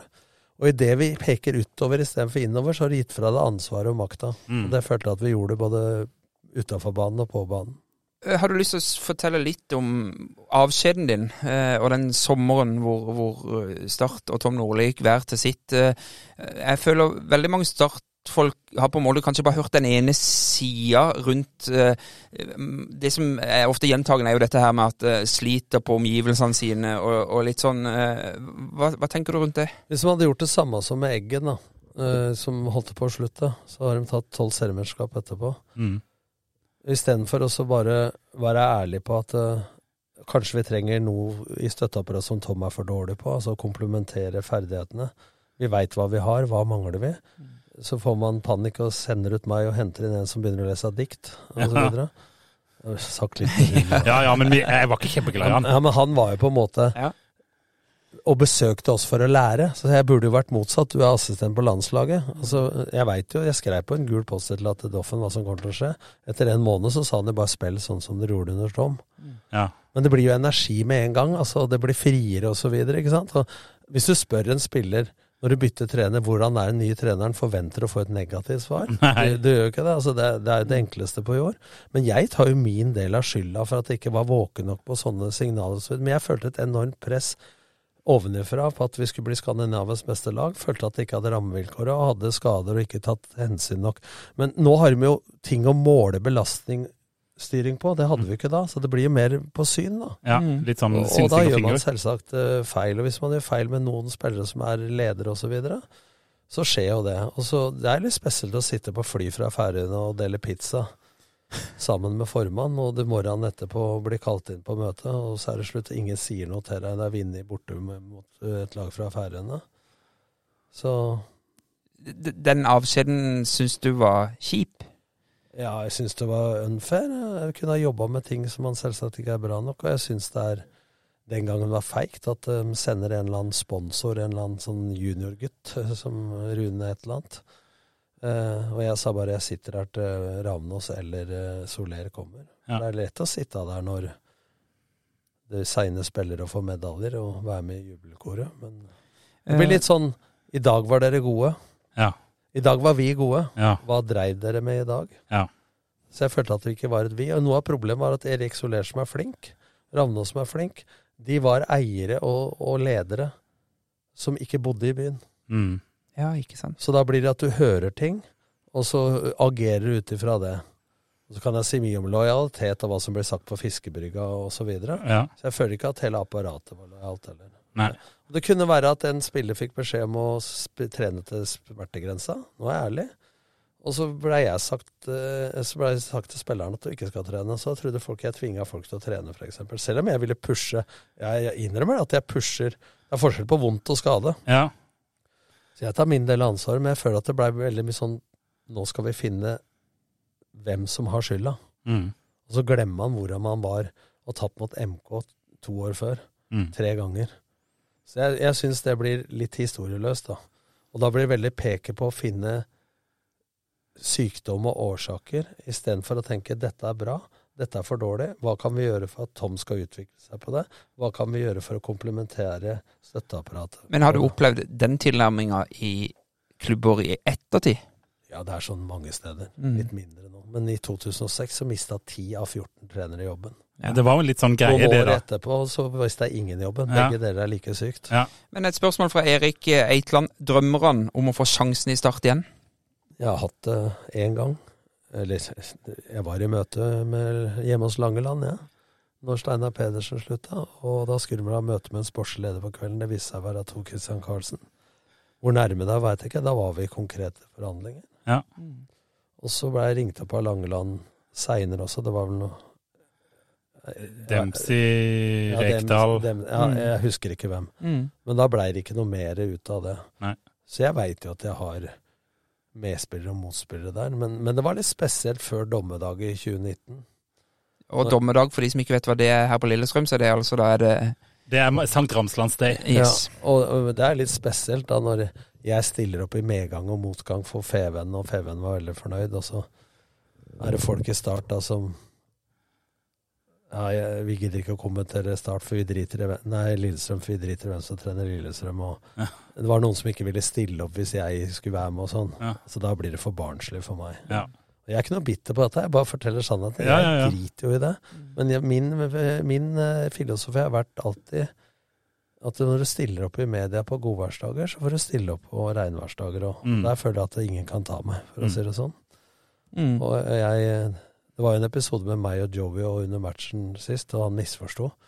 For det var jo ikke jeg som jubla mot han i Kristiansand, Nei. men det var noen andre.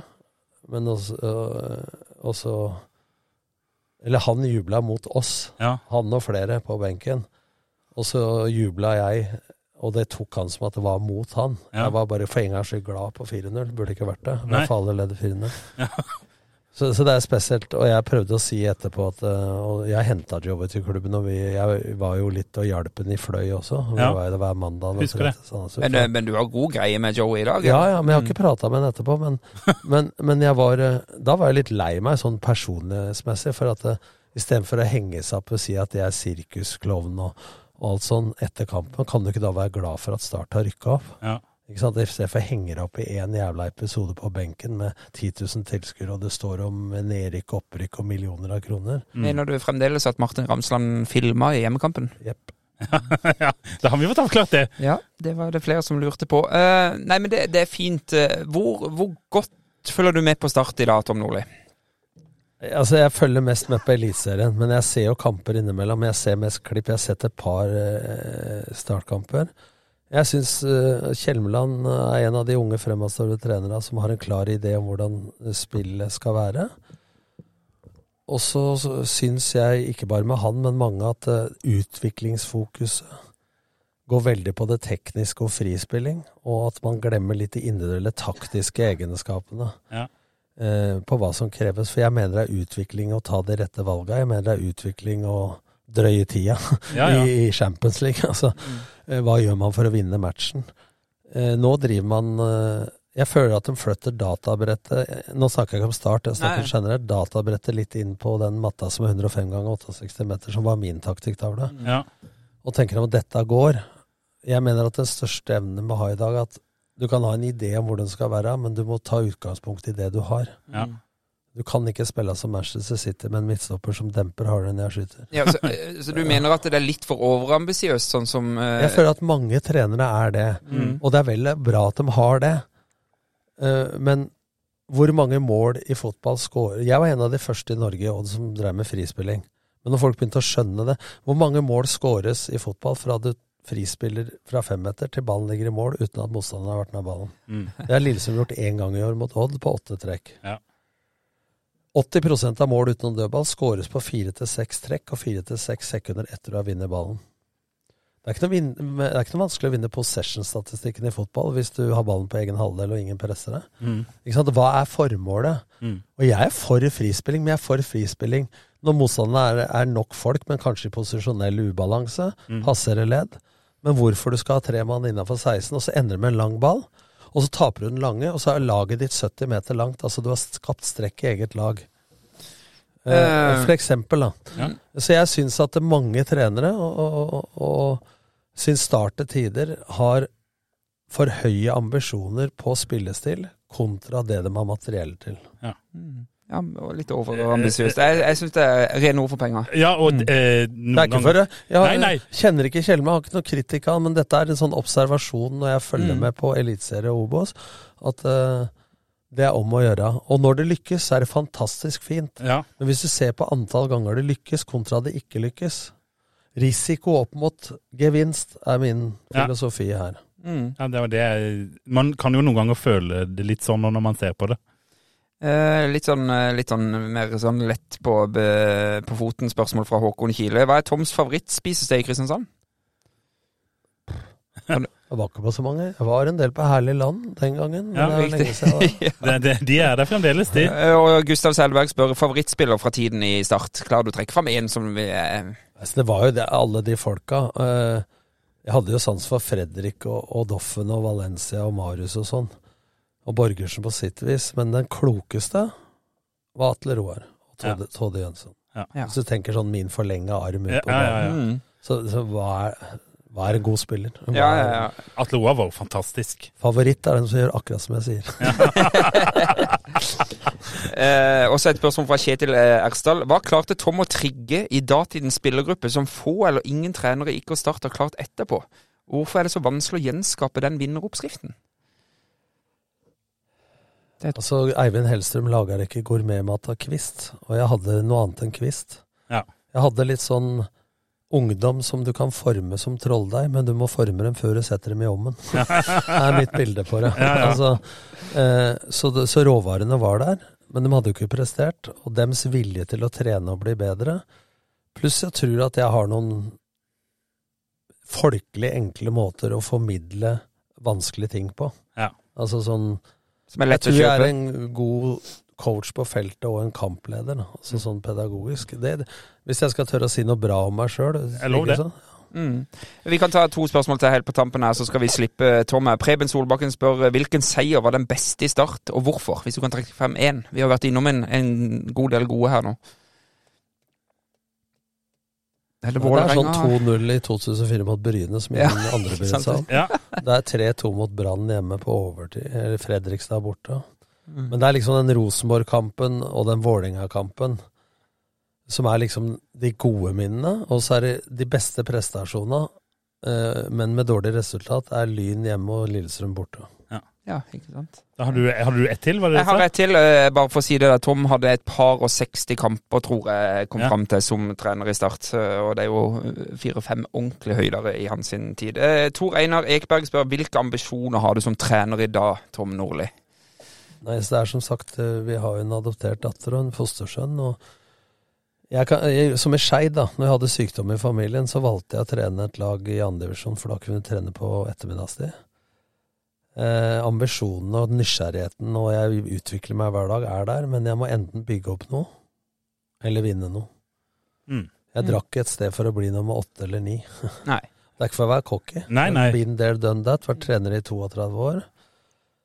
Jeg kunne vært trener i Irak, jeg kunne vært trener i Marokko, jeg kunne vært trener i Sverige. Jeg kunne vært trener i lavere divisjoner på Romerike. Men du vil tilbake i toppfotballen? Ja, kanskje. Mm. Jeg savner Jeg savner ikke 300 tilskuere i Obos-ligaen. Jeg savner eh, trøkket, presset, eh, kameratskapet i garderoben. Eh, gleden av å prestere sammen med noen, og gjennom noen. Mm. det, det savner jeg.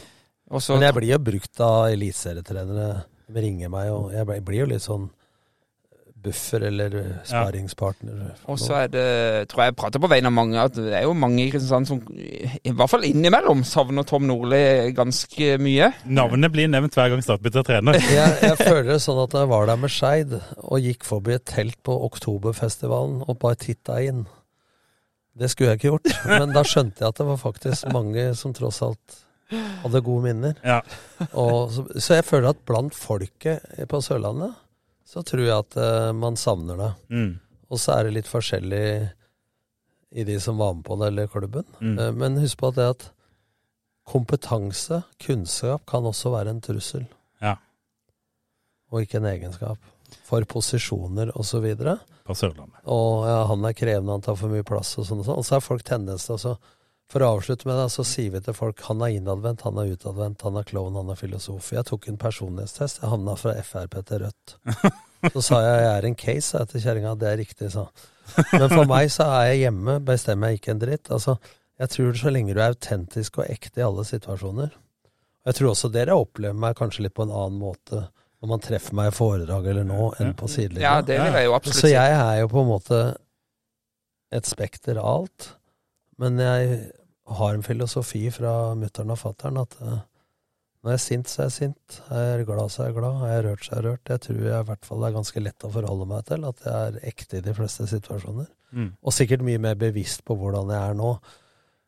Vi sier til unga våre du kan bli alt du er. Jeg tror ikke det, men du kan bli alt du er. Men hvem er du? I Paradise er de 110. Alltid, alltid lurt på det. Men jeg tror jeg har nådd 80 eller noe sånt i den andre er 61. Men jeg føler at jeg holder meg i gang. Er ekspert på Romerikes Blad, har podkast, følger med. Tenker fotball, utvikler meg eh, sånn. Så jeg, jeg er med. Ja. Og jeg føler at jeg er en mye bedre Fotballfaglig har vært god hele tida.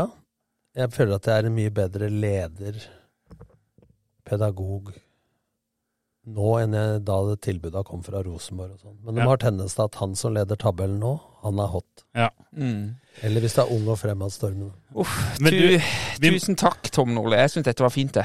Og så eh, kan vi jo bare avslutte nå. Da må vi slippe Tom og eh, Mm. Vi, kan, vi får oppsummere litt når vi sender han ut døra her, så han får rukke det han eh, skal. Ja, han, du, du kan få lov til å gå nå, Tom. Ja. Tusen takk for at du Jeg har lyst til å være lenger, men jeg må gå. Ja, det må du. Det er Ja, dette var eh, usedvanlig hyggelig, og jeg må jo si det til slutt at eh, jeg er fra Lillestrøm. Det har en plass i hjertet mitt. Eh, Vi har huset i Skien. Det har en viss plass, og så har Start eh, en eh, stor plass. På grunn av vi trivdes der. Vi har venner derfra ennå, og det var en, tør påstå, en suksesshistorie. Og si hva du vil.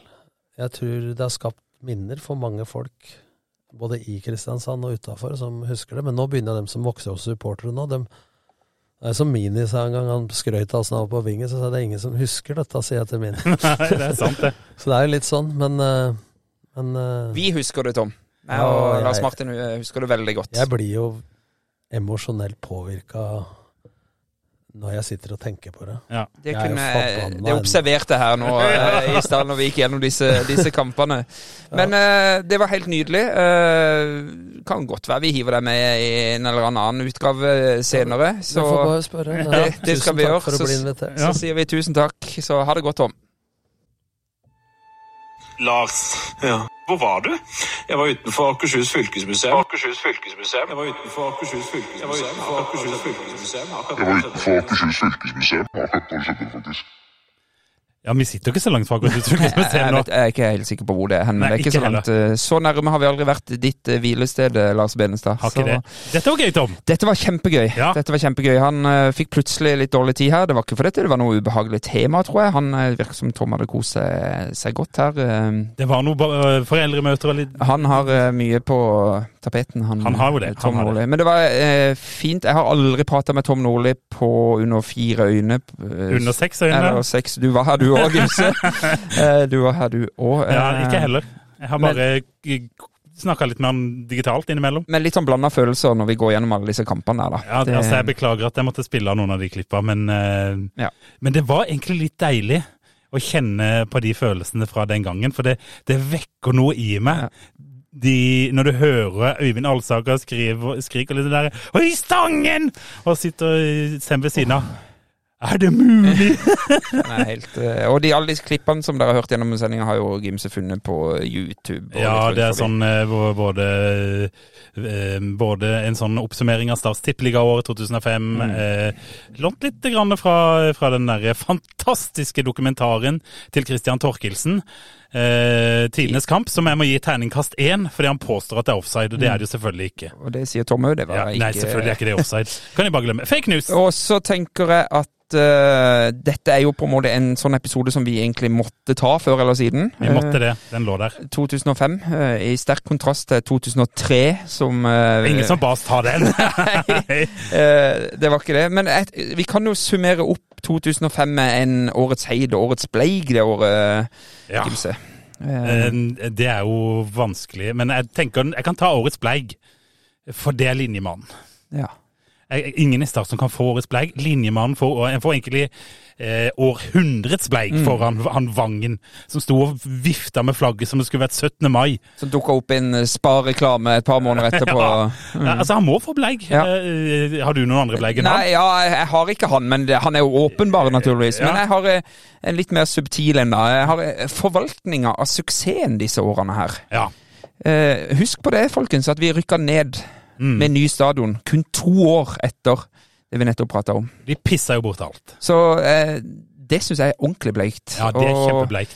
eh, Den sesongen vi prater om nå, er jo sist gang vi på en måte Vår siste storhetstid, hvis det går an å si det, som Ja. varte i ett og et halvt, to år.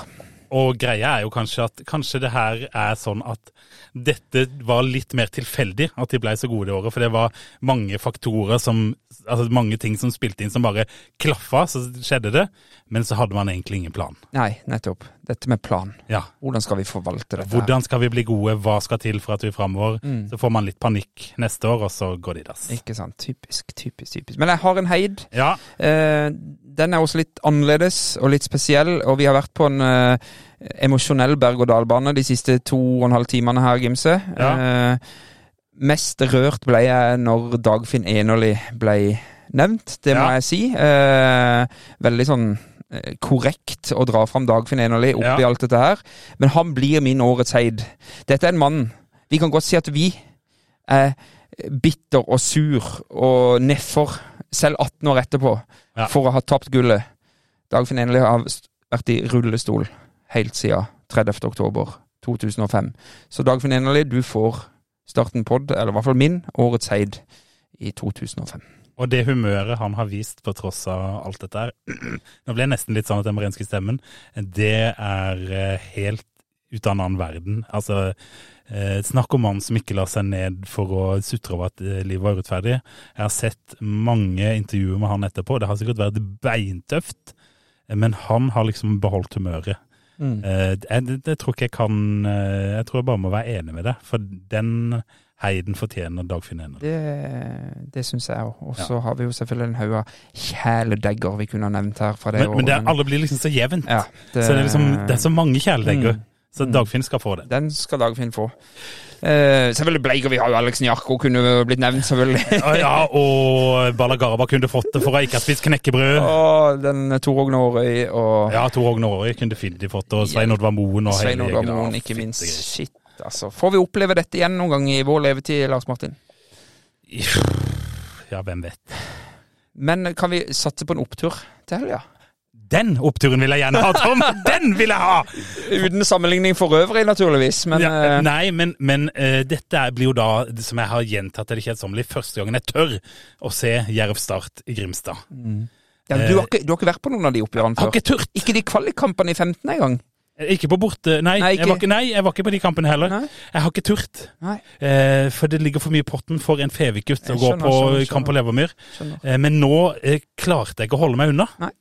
Eh, Ja, du, for du innehar billetten min, tror jeg, så det er avhengig av at du Ja. dukker opp. Mm. Eh, Ja, nei, men jeg, har, jeg skal kjøre ned eh, Jeg har jo friuke denne uka, så, min, så fort min samboer er ferdig på jobb på, på fredag, så drar med hele familien ned. Riktig. Jeg plasserer folk trygt hjemme hos Ja. mor og sånn. Og så, bare ut i hjembyen sin og Ja, og det, eh, det blir jo én av to her. Altså, jeg skal på apotekgården før kamp og drikke et par øl for å roe nervene. Eh, spørs hvor mye de blir roa. Og hvis Start vinner, så skal jeg ut på byen i Det har jeg skjønt å gjøre han utrygg og alt. Men ja, øh, det blir vel mest utrygt for meg, sikkert. Ja, det, det. Men gleder du deg? Ja, jeg gleder meg. Jeg, jeg gjør det, Ja. virkelig. eh, Og det, det har egentlig ikke noe med eh, situasjonen til Start akkurat nå, men et, et et deilig oppgjør, lokaloppgjør, hvor eh, det, bortfeltet ble utsolgt på, på 0. Og klokka åtte, kvart over åtte lørdagskveld! Perfekt! Det er jo helt fantastisk. Ja, det- Så eh, ja, det her gleder jeg meg ordentlig til. Ja, fyttegrisen. Det blir jo bare for folk som ikke kan. De kan jo benke seg foran TV-en og se en flomlyskamp, Jerv Start lokaloppgjør, Mm. fulle tribuner på den gamle rønna i Grimstad. Mm. Åh, Nei, dette, dette blir helt nydelig. og tenk hvis vi vinner! Ja. Eh, en ting er å vinne bare sånn eh, isolert sett mot Jerv, men henger vi oss, henger vi oss på? Ja, det var det, da. Nei, vi gjør ikke det. Gjør vi. Nei, vi gjør ikke det. Vi har jo avlyst det opprykket for lenge siden. Tom. jeg gidder ikke å tenke på dette som en potensiell opprykkskamp. Um, Men jeg skal, jeg skal ha seier. Jeg driter i hvordan alt er. Jeg vil, jeg, åh. vet du hva, Gimse? Jeg tror vi vinner 2-0. Ja, men Da er jeg enig med deg, Tom, for det hørtes så godt ut. Jerv er ganske crap om dagen. Start er kanskje litt oppe. Jeg håper de har brukt landslagspauser nå godt. Ja, det er jo noen som har kanskje kunne hatt behov for å trene litt med laget som har vært på landslagstur, Mm. da. Blant annet uh, Agon Sadiku. Ja. Um, Og han Kalle Valleus var vel òg Ja, han var òg, men han kommer jo ikke til å starte, da. Nei. Så har jo Start henta tilbake Denny Dashaev. Ja. Så det, det er jo et signal om at han skal få en del spilletid, mm. tenker jeg. Mm. Så ikke hadde han jo spilt eh, videre mot Fløy, og Sindre sier at han kommer til å bli, eller han kan bli eliteseriespiller. Mm. Um, så jeg er spent på å se om de stiller med. Ja. Og så i dag, denne episoden er nok ikke ute før eh, medlemsmøtet i kveld, men Nei. i kveld er det et medlemsmøte. Eh, Det får som- vi ta. Ja, det tar vi i neste pod som kommer etter Jervkampen på søndag eller mandag eller noe sånt. Det blir nok å snakke om da òg. Det blir nok å snakke om eh, da òg. Og så vil jeg avslutningsvis si tusen takk til Mottaket Media for at vi har fått låne deres meget flotte podkaststudio til innspillinga av episoden med Tom Nordli. Så flotte studio har vi aldri sittet i. Eh, Ikke til forkleinelse for eh, skolen til Lars eller noen ting. Jeg satte regninga for leies til, til, til deg, Gimse. Så, jo, det, ja. Ja, så men det er greit. Bare følg med, så kommer det inn en Så hallo, patrons! Hjelp oss med dette! Neida, det, dette var hyggelig. Det var verdt hver penny. Det var det. Det var, det var det. Så ses på lørdag, da, Gimse. Vi ses på lørdag, og da sier vi bare én ting. Heia Start. Heia Start. Jeg ser inn i 22 resignerte ender! Hvor er gløden? Hvor er engasjementet? Jeg har